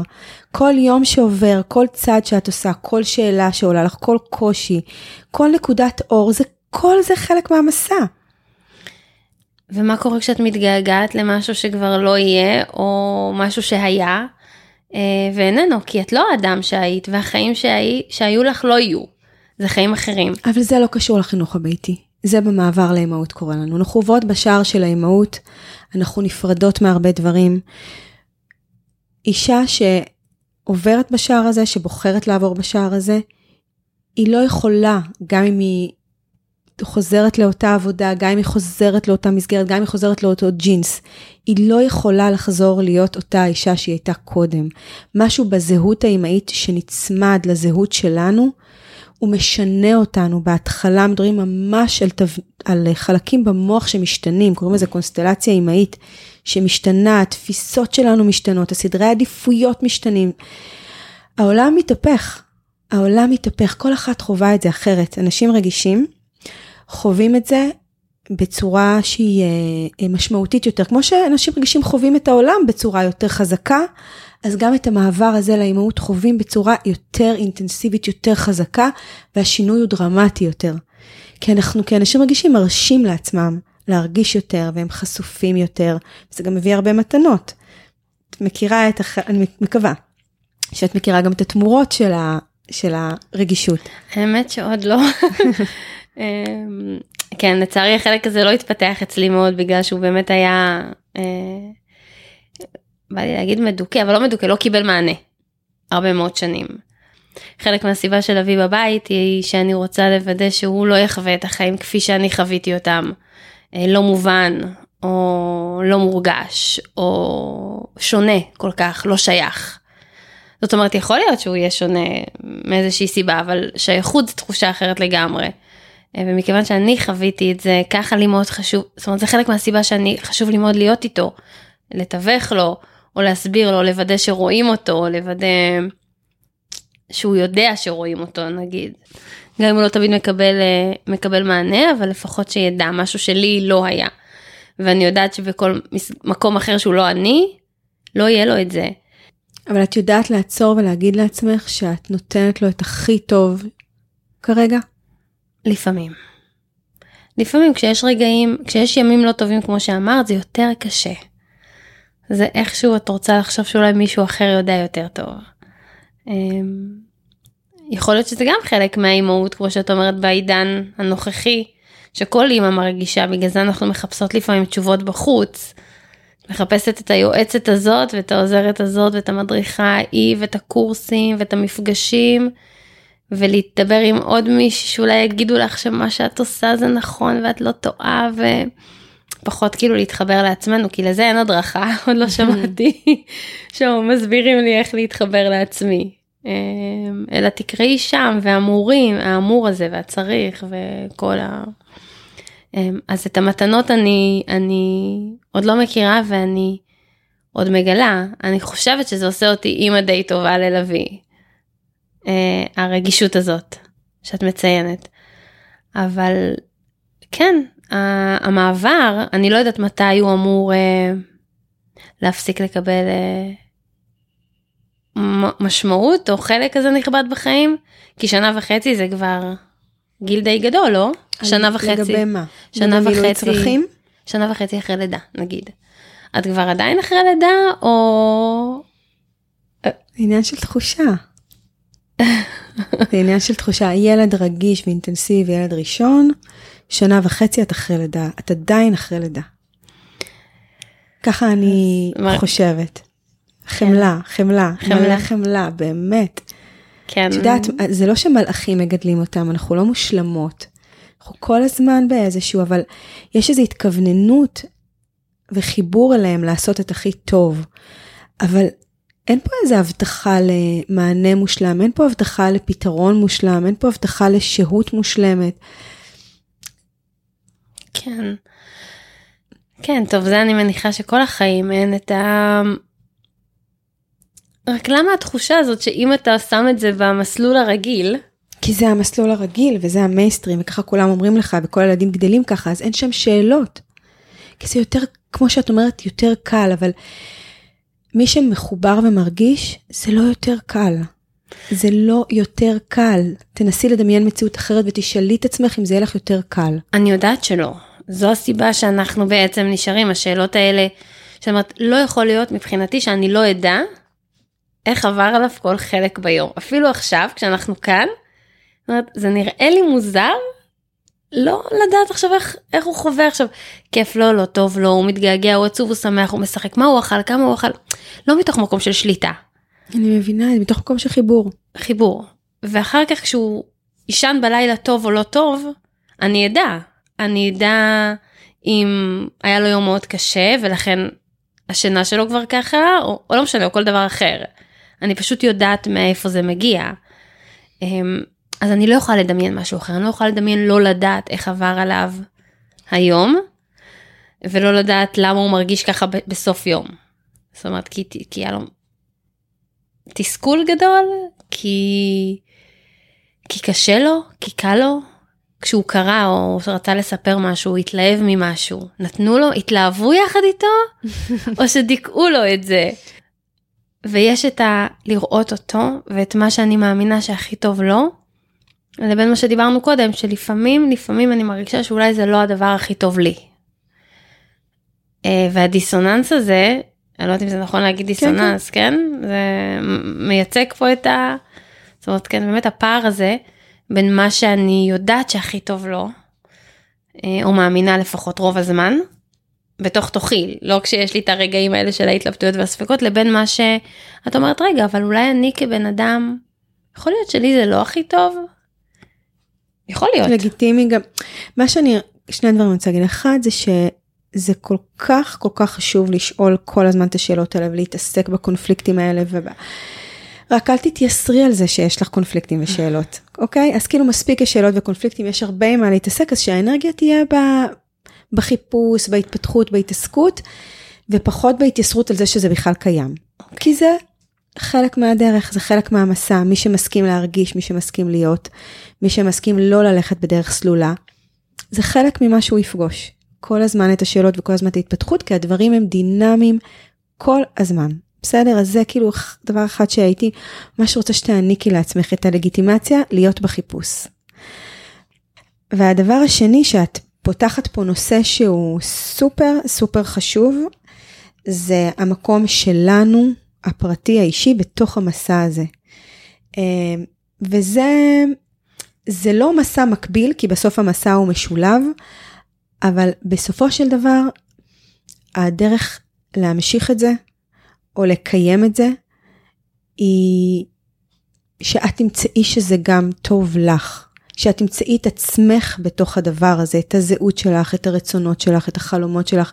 את הדברים משתלבים, תמיד יהיו ויתורים. ואם תצאי עכשיו למשרה מלאה 8 עד 4 אין ויתורים, יש ויתורים. אנחנו כל הזמן במין איזה משחק כזה בחיים האלה, נכון? אז בתוך הבחירה הזאת יש ויתורים, יש מחירים. מי שיבוא ויגיד לך, זה מושלם, אין מחירים, מצאתי את האור, לא יודעת. זה לא, אני לא אגיד לך דבר כזה. יש המון מחירים לבחירה. אני יכולה להגיד לך שלאורך השנים, זה לא היה שיח שהוא בוער בי שאמרתי, שיואו, יכולתי לקחת את המשרה הזאת, יואו, יכולתי להיענות להצעה הזאת.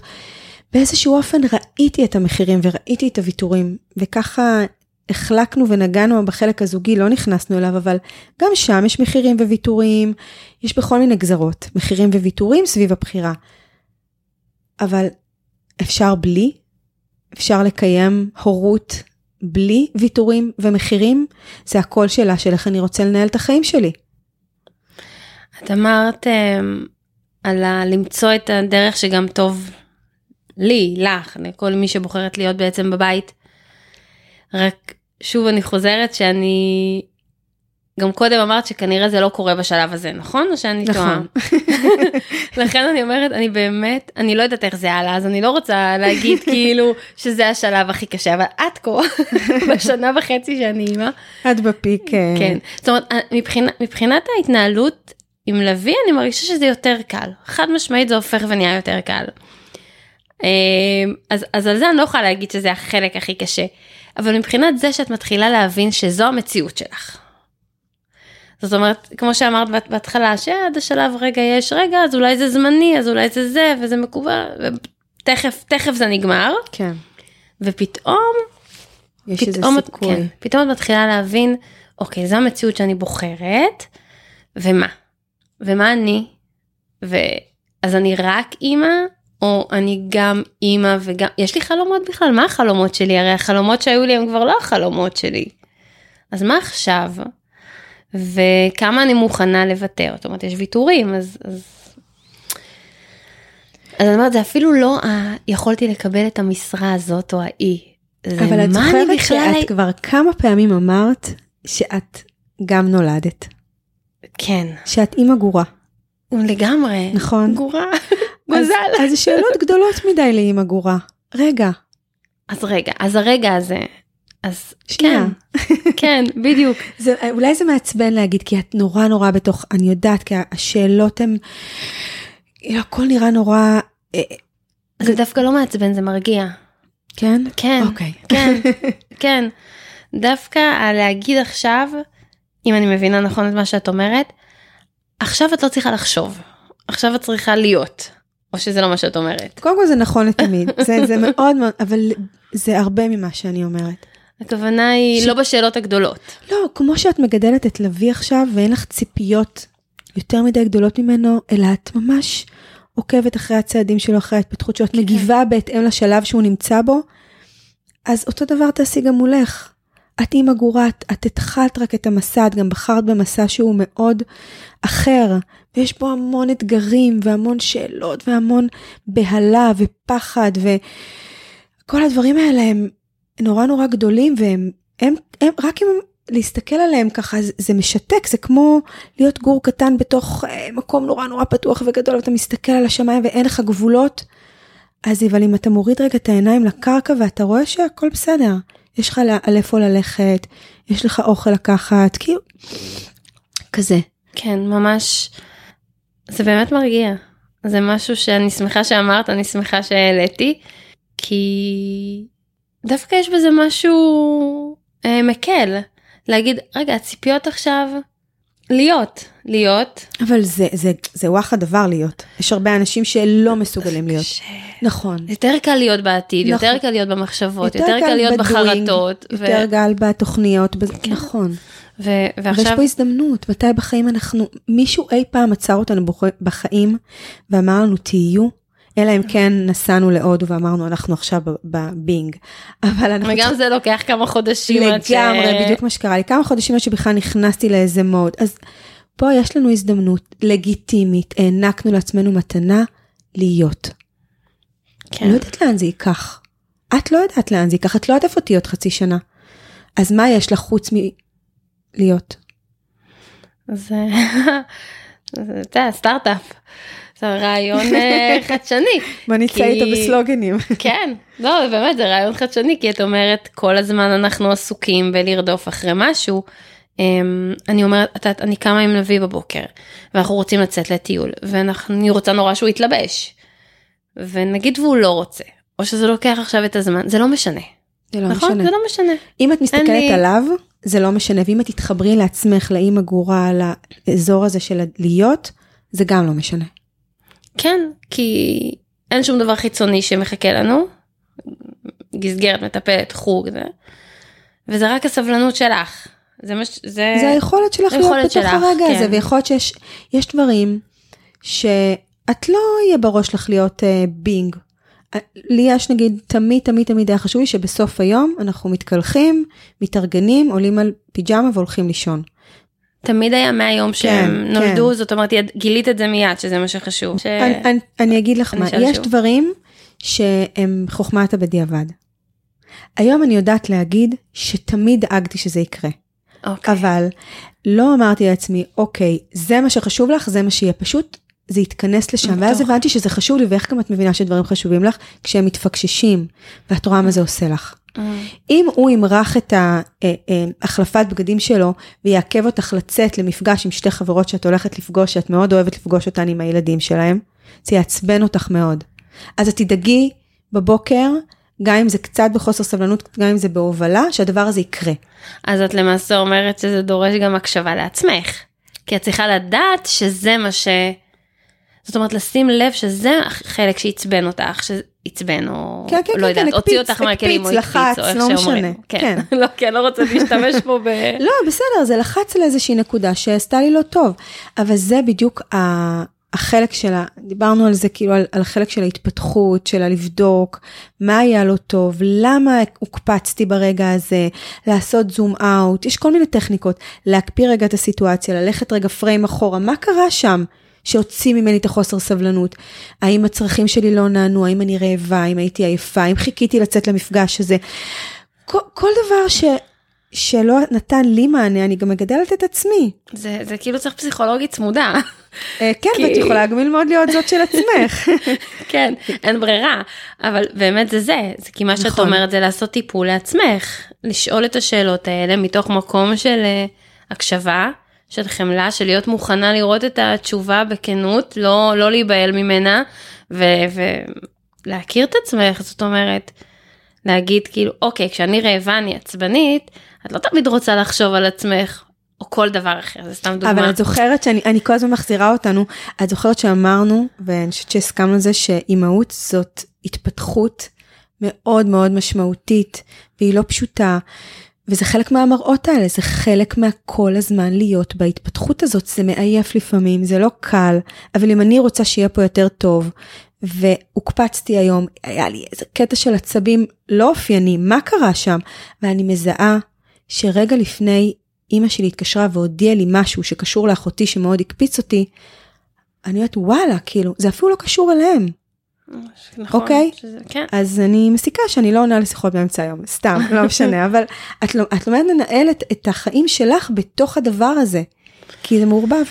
כן, כמו שיש אה, ביקורים של אנשים שמקפיצים אותך, או...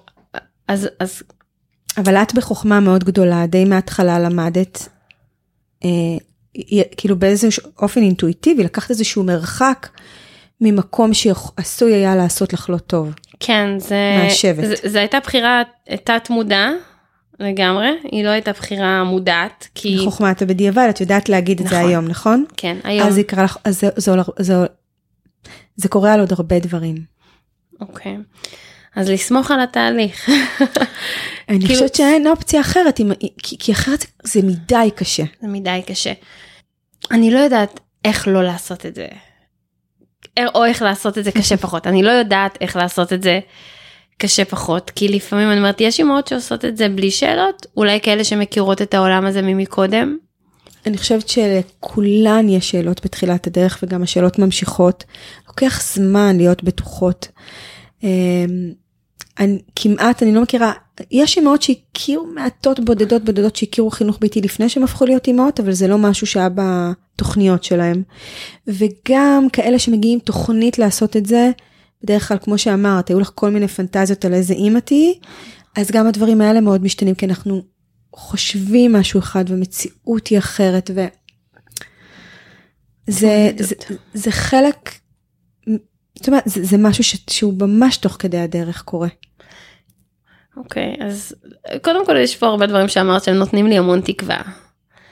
אמ, יכול להיות שמחר אני אקום עם כוחות יותר גדולים. וזה יחזיק עד הצהריים. יחזיק עד הצהריים.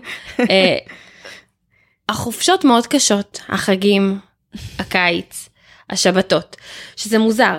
זאת אומרת, יותר קל לי ביום יום כשאני איתו לבד מאשר לפעמים, כאילו כשאת לבד זה מין, אה, אני לא רוצה להגיד הכרח, אבל זה כן, את לא מוותרת לעצמך, זה נכון? יש בזה משהו? יש בזה הרבה, אני חושבת ש...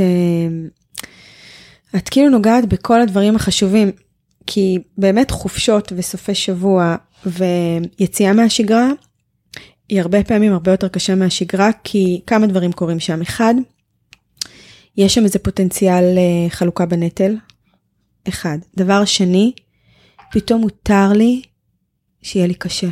פתאום אני יכולה רגע להוריד הגנות, כי אנחנו כל הזמן מדברות על האחריות ועל להחזיק, אנחנו לא מרשות לעצמנו להרגיש. וכי אני עכשיו עסוקה בלהחזיק את הדבר הזה, אני לא יכולה להישבר, אני לא יכולה שיהיה לי, זה, כי אני כרגע בהחזקה, אני במשימה, אני במשמרת. ומה שההפוגות האלה עושות, אנחנו מרשות לעצמנו לרגע להוריד את הרגל מהמשמרת, ואז אנחנו מרגישות את הקושי. ואז אנחנו מצליחות להרגיש את המורכבות, ואז גם זו הצטברות של הרבה דברים שלא במשך השבוע אני עושה, אני פשוט מתנהלת מיום ליום, אבל פתאום כשאני רגע יורדת מהמשמרת, אז, אז קשה, ואני עייף, יש עייפות, ועייפות גם מנטלית, ואת מרגישה את השחיקה והשאלות פתאום, כי יש זמן פתאום. אז יש שם איזו התנקזות של המון דברים, והסופי שבוע הם מאוד מאוד קשים. אני יכולה להגיד לך שגם אצלי, אני זוכרת שיוסי היה אומר לי, אני לא מבינה איך זה, דווקא בסוף שבוע שאני פה, כל כך קשה לך. איך זה שקשה לך ככה? את איתם לבד כל השבוע. בהתחלה באמת הייתי אומרת לעצמי, מה, מה הסיפור? אז, ו... אז, אז כל זה זה דברים ש... ש... שוב, חוכמת הבדיעבד. שלפעמים את אומרת יותר קל לא לרדת מהגלגל. להיות עליו את כל הזמן בתנועה. יש לזה מחיר אבל קשה. יש לזה מחיר, יש לזה מחיר להישאר על ה... במשמרת בלי הפסקה. אני דווקא בעד לקחת הפסקות ובעד להרגיש את הקושי, ו... כי בסוף, את יודעת, זה כמו מים, זה יצא מאיזשהו כיוון. מאיזשהו חור זה יצא.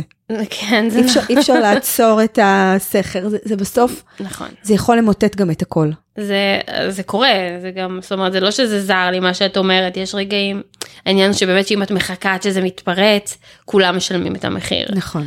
ואז זה קשה. אה, מה שכן רציתי לשאול, באותו הקשר של את אומרת, פוטנציאל חלוקה בנטל. למה זה כל כך קשה? זאת אומרת להעביר שנייה למישהו אחר שהוא אבא שלהם נגיד את המושכות ושנייה לנוח. זה משהו שאני לפחות בשלב הזה אני מקווה שזה ישתחרר. אבל בשלב הזה זה מרגיש לי נורא נורא נורא קשה על להרשות לעצמי ללכת רגע לצד למשהו שהוא שלי כשאני בבית אני לא מדברת אם את יוצאת מהבית למשהו אז אולי יותר קל. אבל להיות בבית לעלות לחדר ולישון כשאבא שלו איתו למטה נגיד ביום שבת. לך זה קשה. זה על גבול הבלתי אפשרי. מבחינתך. אבל תתארי מה קורה לך שם, למה זה כל כך קשה לך? אה, אולי הסרת אחריות, אולי... אה, מה זאת אומרת להיות בבית ולא להיות עם הילד? או לא לעשות כלום. את... משהו שם, אני, אני קשה לי, לה... את שואלת אותי את זה ואין לי תשובה, כי אני צריכה שנייה לחשוב על זה ואני לא באמת יודעת. למה? אני רק יודעת ש... אבל למה את לוקחת את החלקים האלה בעצם? למה את לוקחת הפסקה כזאת? למה אני... את מרגישה קושי? אה, כי אני רוצה. את רוצה לא, את הזמן? זה, זה, בדיוק, זה, זה בדיוק הפער בין הרצון, שאני נורא צריכה נגיד, ובא לי באמת רק נגיד לישון. אבל זה מרגיש לא... אין לי, אין לי, אני לא יודעת להסביר למה לא, כי אני בבית. אבל בגלל שאני בבית, בגלל שאני שם. בגלל שזה המרחב שלנו, זה, לא יודעת, זה כמו להיות במשרד וללכת לישון, כאילו, אולי זה לא דוגמה טובה. זה דוגמה מצחיקה. כאילו, אולי דווקא במשרד הייתי יכולה לישון, אבל יש שם גם משהו ש... זאת אומרת, זה כאילו העבודה נמשכת מעבר לשעות העבודה. זאת אומרת, פוטנציאל חלוקה בנטל, ואני חושבת על... אה, על אה, שזה גם מדרון חלקלק כזה. כי פתאום מישהו אחר עושה, וזה נורא כיף להיות האבא לקצת זמן. שאבא שלו איתו, ואני כאילו הדמות שבאה מדי פעם ומשחקת ועושה את הדברים הכיפים והוא מגיע והוא משחק ומקבלים את כל הטוב וזה נורא נחמד זה נורא כיף זה נורא נעים אבל לך זה נעים וכיף כשזה קורה כשאת מצליחה להיות רגע בנעליים של, כמו שבמילים שלך האבא? אני חושבת שלפעמים, כן ולא, בא לי להגיד כן ולא. אני אומרת בכוונה בא לי כי זה כזה לא מגובש. אמ, אני אגיד לך משהו על זה. אני לא יודעת מאיזה מקום זה אצלך, כן צריכה לחשוב על זה עם עצמך, אבל אני יכולה להגיד לך שלפעמים אנחנו בתחושה שאנחנו בשלב שאת נמצאת, אני מתחברת לשלב שלך, שאני אמורה שיהיה לי זמן לעצמי. אז אם עכשיו הוא עם אבא שלו, אז אני אמורה להתנתק. כן. ואני יכולה לספר לך שכל התנתקות כזאת שלי הייתה בלתי נסבלת, עד שהבנתי שאני לא רוצה להתנתק. כן. אני לא רוצה ללכת. את יודעת שאפילו אחיות שלי יום אחד עשו לי מתנה, אמ, תמי עוד ינק, רומי הייתה קטנטונת וליום הולדת, היו מהממות ומקסימות, הם עשו לי שובר בייביסיטר, הם באו להיות איתם בבוקר, והם אמרו לי, צאי, הם קנו לי ספר והם קנו לי מסאז', וכאילו אני אומרת את זה ובא לי לבכות, והיה לי, כאילו עשיתי את זה, יצאתי, ולא הבנתי מה אני עושה, כאילו לא רציתי את זה. לא רציתי ללכת. ואיך איך אפשר להסביר את זה? אפילו לעצמי לא הצלחתי להסביר את זה. אחרי ארבע שנים שאני לא עוזבת אותם לרגע, מישהו בא ונותן לי כמה שעות. זה על פניו אמור להיות. וואו. כן. אז ממש עולות לי דמעות כשאת אומרת את זה וצמרמורת, כי כנראה שהגוף שלי זיהה את מה שהראש עוד לא ידע. האמור הזה, בדיוק זה. את נגעת עכשיו בנקודה ש... וואו. כן. לפעמים החלוקה בנטל, מה שאני למדתי, ש... שרק מישהו יהיה יחד איתי, פה. יחד איתי. זה, והרבה פעמים מאוד מאוד קשה לקבל שם עזרה, כי אם אני באה, לכי, תתפני, תעשי את הדברים שלך, לכי תשני, לכי עם חברה, לא רוצה, לא רוצה, בוא נהיה פה ביחד. תהיה איתי ביחד. רק שאני לא אהיה 100% לבד במשמרת, אבל לא רוצה ללכת. וואו, אני חושבת שצריך לדבר על זה. על האמור הזה. את אמורה, ככה התחלת. Mm-hmm. וזה ממש עושה לי צמרמורת כי שני דברים.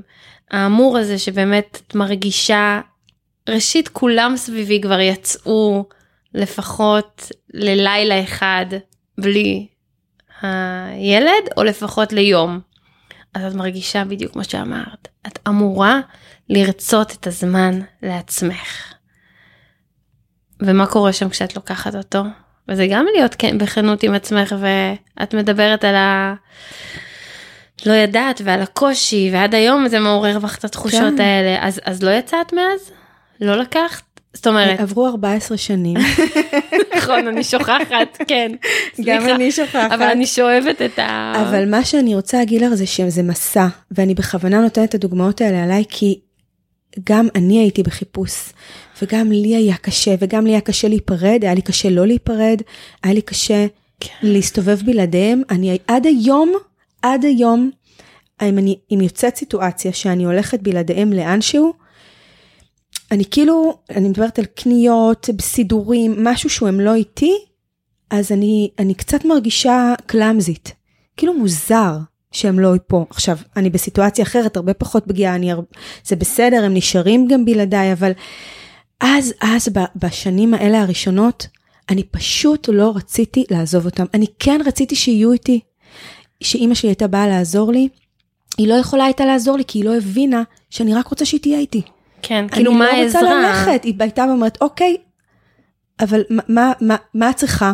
היא מבינה שהיא הולכת לאחיות שלי והן נוסעות לעבודה, היא מבינה שהן הולכות ללימודים, היא מבינה, זה, זה מסוג העזרה שאם אני באה לעזור לך עם הילד, את מתפנה. כי אחרת, מה אני עושה פה? אבל אני צריכה, אני צריכה שתהיו איתי. זה בדיוק זה. זה להגיד, אני רוצה ללכת, אני נותנת דוגמה הכי פשוטה למניקור, אוקיי, אז תשאירי אותו אצלי, לא, בואו איתי. בואו איתי. בואו איתי. נכון. פשוט, פשוט תעסיקו אותו שם, תנו לי רגע, אני צריכה ללכת לקנות משהו, אז פשוט בואו איתי, שיהיה לי יותר קל לעשות את המשימה, אבל זה לא אומר שאני רוצה לעשות אותה לבד. אני רוצה פשוט... וזאת המ... עזרה שכל כך קשה להבין אותה. וקשה לקבל אותה. נכון. ו... קשה גם להגיד אותה לעצמנו, להבין שאני רוצה, בדיוק מה שאת אומרת. אני חושבת שאני לא הבנתי את זה עד שלא הגדרת את זה עכשיו. הרגשתי את זה כי עובדה שאני מרגישה את זה בכל איבר מאיברי גופי כרגע כשאת אומרת את זה ובא לי להגיד זה מדויק אני הולכת להתקשר לנחום ולהגיד לו את ההבחנה. ואני עדיין יודעת שאני לא אקבל אותה מאחרים.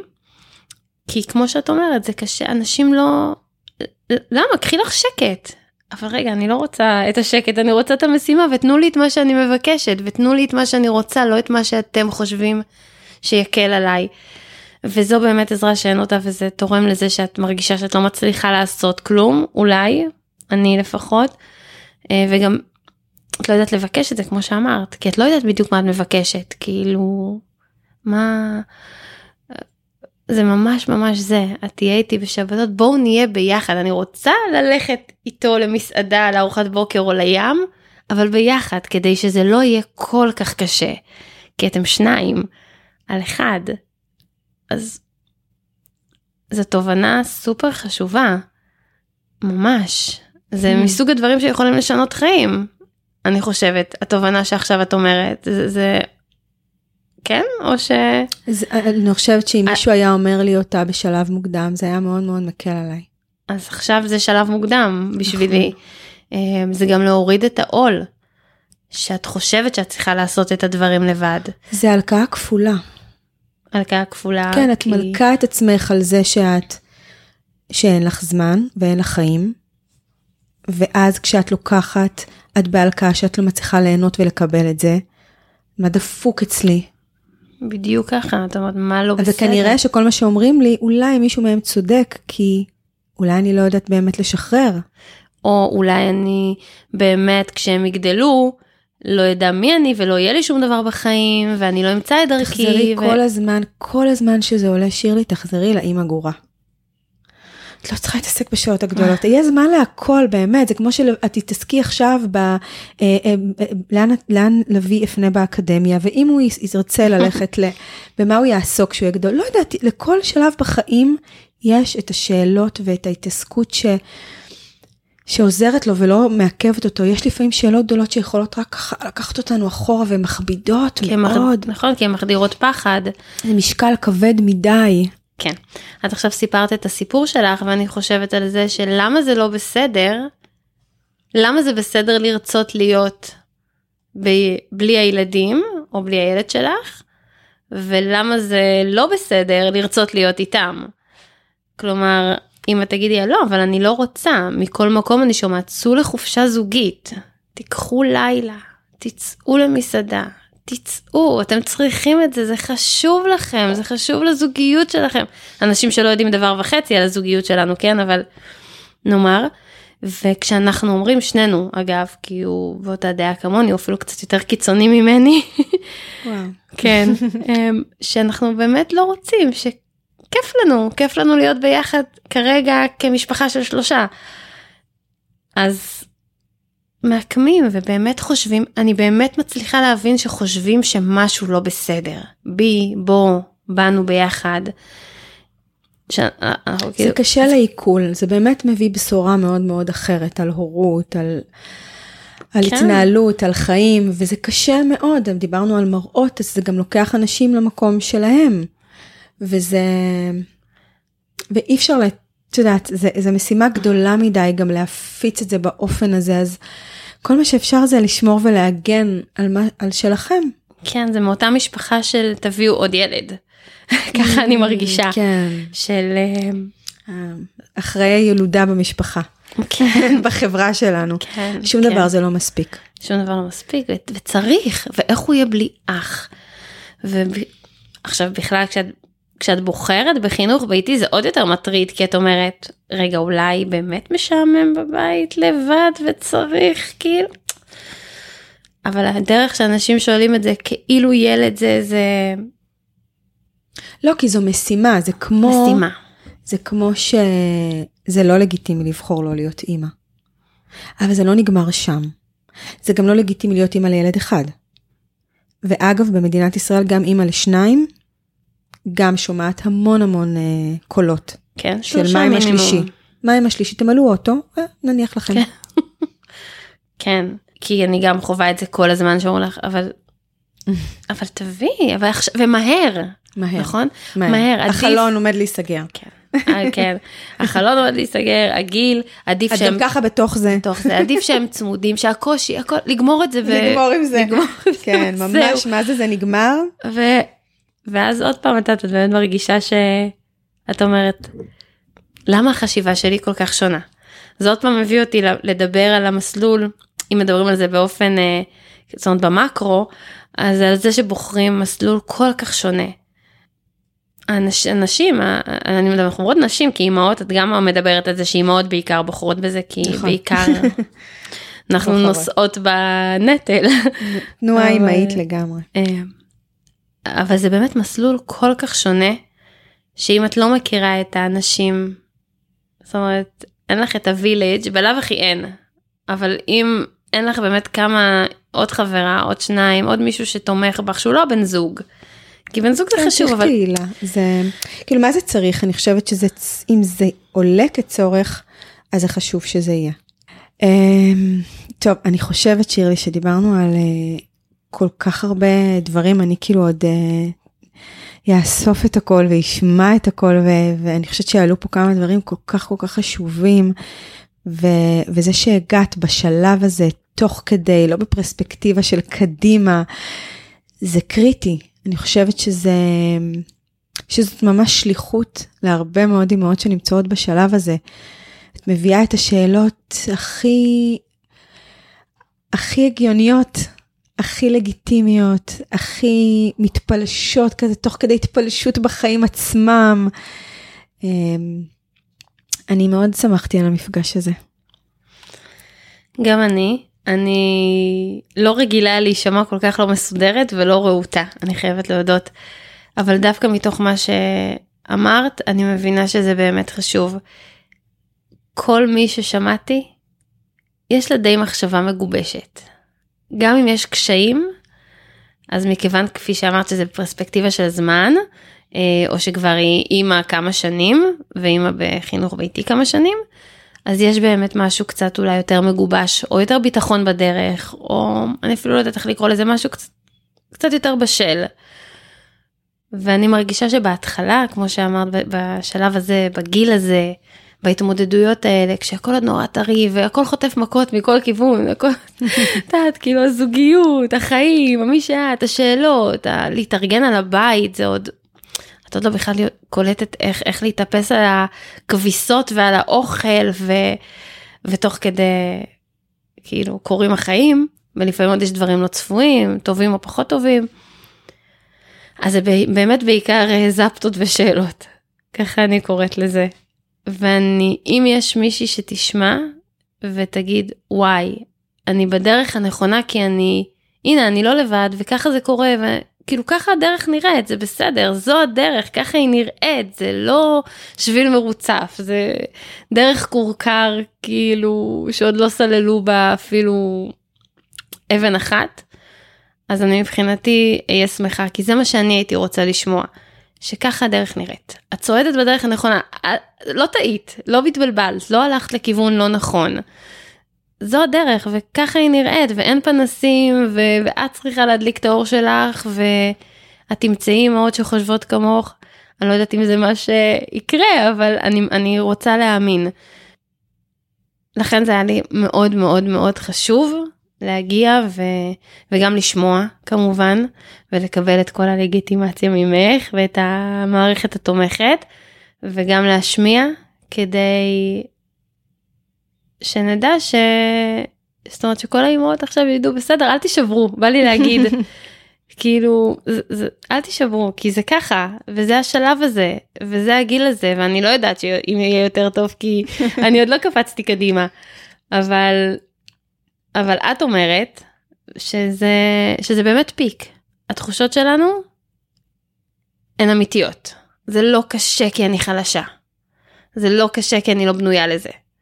זה קשה כי זה קשה וזה שלב עוד יותר קשה בתוך הקושי אם זה הגיוני מה שאני זה אומרת. מאוד הגיוני מה שאת אומרת, אבל אני גם הבטחתי עוד פיקים, ככה שלא יהיה מצב ש... כן, כן. שאנחנו בפיק הזה. אבל הפיק השני אולי הוא יותר קל מהפיק הראשון, כי בפיק הראשון את עוד לא יודעת שזה פיק, את רק חושבת שזהו, שככה זה, ואם ככה זה אז אולי זה לא נכון. אולי משהו אני עושה לא נכון. אולי זה לא אמור להיות כל כך קשה כל הזמן במרוץ כזה שזה, אבל ברגע שאת את פה ואת אומרת לי, זה פיק אחד מבין אולי 100, וזה הראשון, אז, נכון. אז זה בסדר. ומה שאני רוצה להוסיף זה שבאמת את חווה את הפיק הזה עכשיו בגיל שנה וחצי. יש אימהות שחוות את הפיק הזה בגיל חצי שנה, מרגישות אותן תחושות, את אותו אובדן דרך, את, אותה, את אותו בלבול גדול. אה, ויש אימהות שחוות את זה בגיל שלוש, פתאום הן מתעוררות על משהו ופתאום זה נראה להן בלתי אפשרי. אז זה באמת, אם אנחנו יכולות ככה לפרוס אה, ולתת, כן. למתוח את הלגיטימציה של. הפיק הזה, אז הוא באמת אצל כל אחת יגיע בשלב אחר, ויהיו עוד אחריו. לא בטוח שהפיק לא התחיל באמת בגיל שמונה או תשעה או עשרה חודשים, פשוט לא היה לי, לא הבנתי שזה זה, לא היה לי את מי לשמוע, ולא היה לי עם מי להשמיע, ולא היה לי את מי לקרוא. אה, אמרתי לך, עד שגיליתי את הפודקאסט והבנתי שאפשר לתת לזה שם, או לתת לזה קול, או לתת לזה מקום. אז כן, יש לזה לגמרי, אני, אני חושבת שזה, תחילת הדרך היא מאוד קשה. נכון. אמ, קשה כבר אמרנו, השתמשנו הרבה במילה קשה, מאוד uh, הליכה באפלה. הייתי קוראת לזה כזה גישוש, גישוש. לי זה הרבה פעמים הרגיש שאת שולחת ידיים ושמישהו ייקח אותי, שמישהו יראה לי את הדרך, ו... וזה הצפה מאוד גדולה של רגשות, אולי אנחנו עוד קצת, או אפילו הגוף עוד לא תמיד התאושש פיזית, וזה באמת הצפה. אמ, ו... הפודקאסט, הפודקאסט שלך הוא כזה ניקוז להצפה הזאת, זה משחרר כזה, ו... אז, אז אני שמחה, זה באמת אה, כבוד הוא לי להיות פה. אני מאוד שמחה שבאת, ונאחל לך נסיעה טובה אה, ושקטה. אני נשארת לישון, מה אין לי זאת שום אומרת? בעיה, יש פה כמה חדרים את יכולה לבחור. אה, תודה ממש שהגעת. תודה לך. תודה שהזמנת.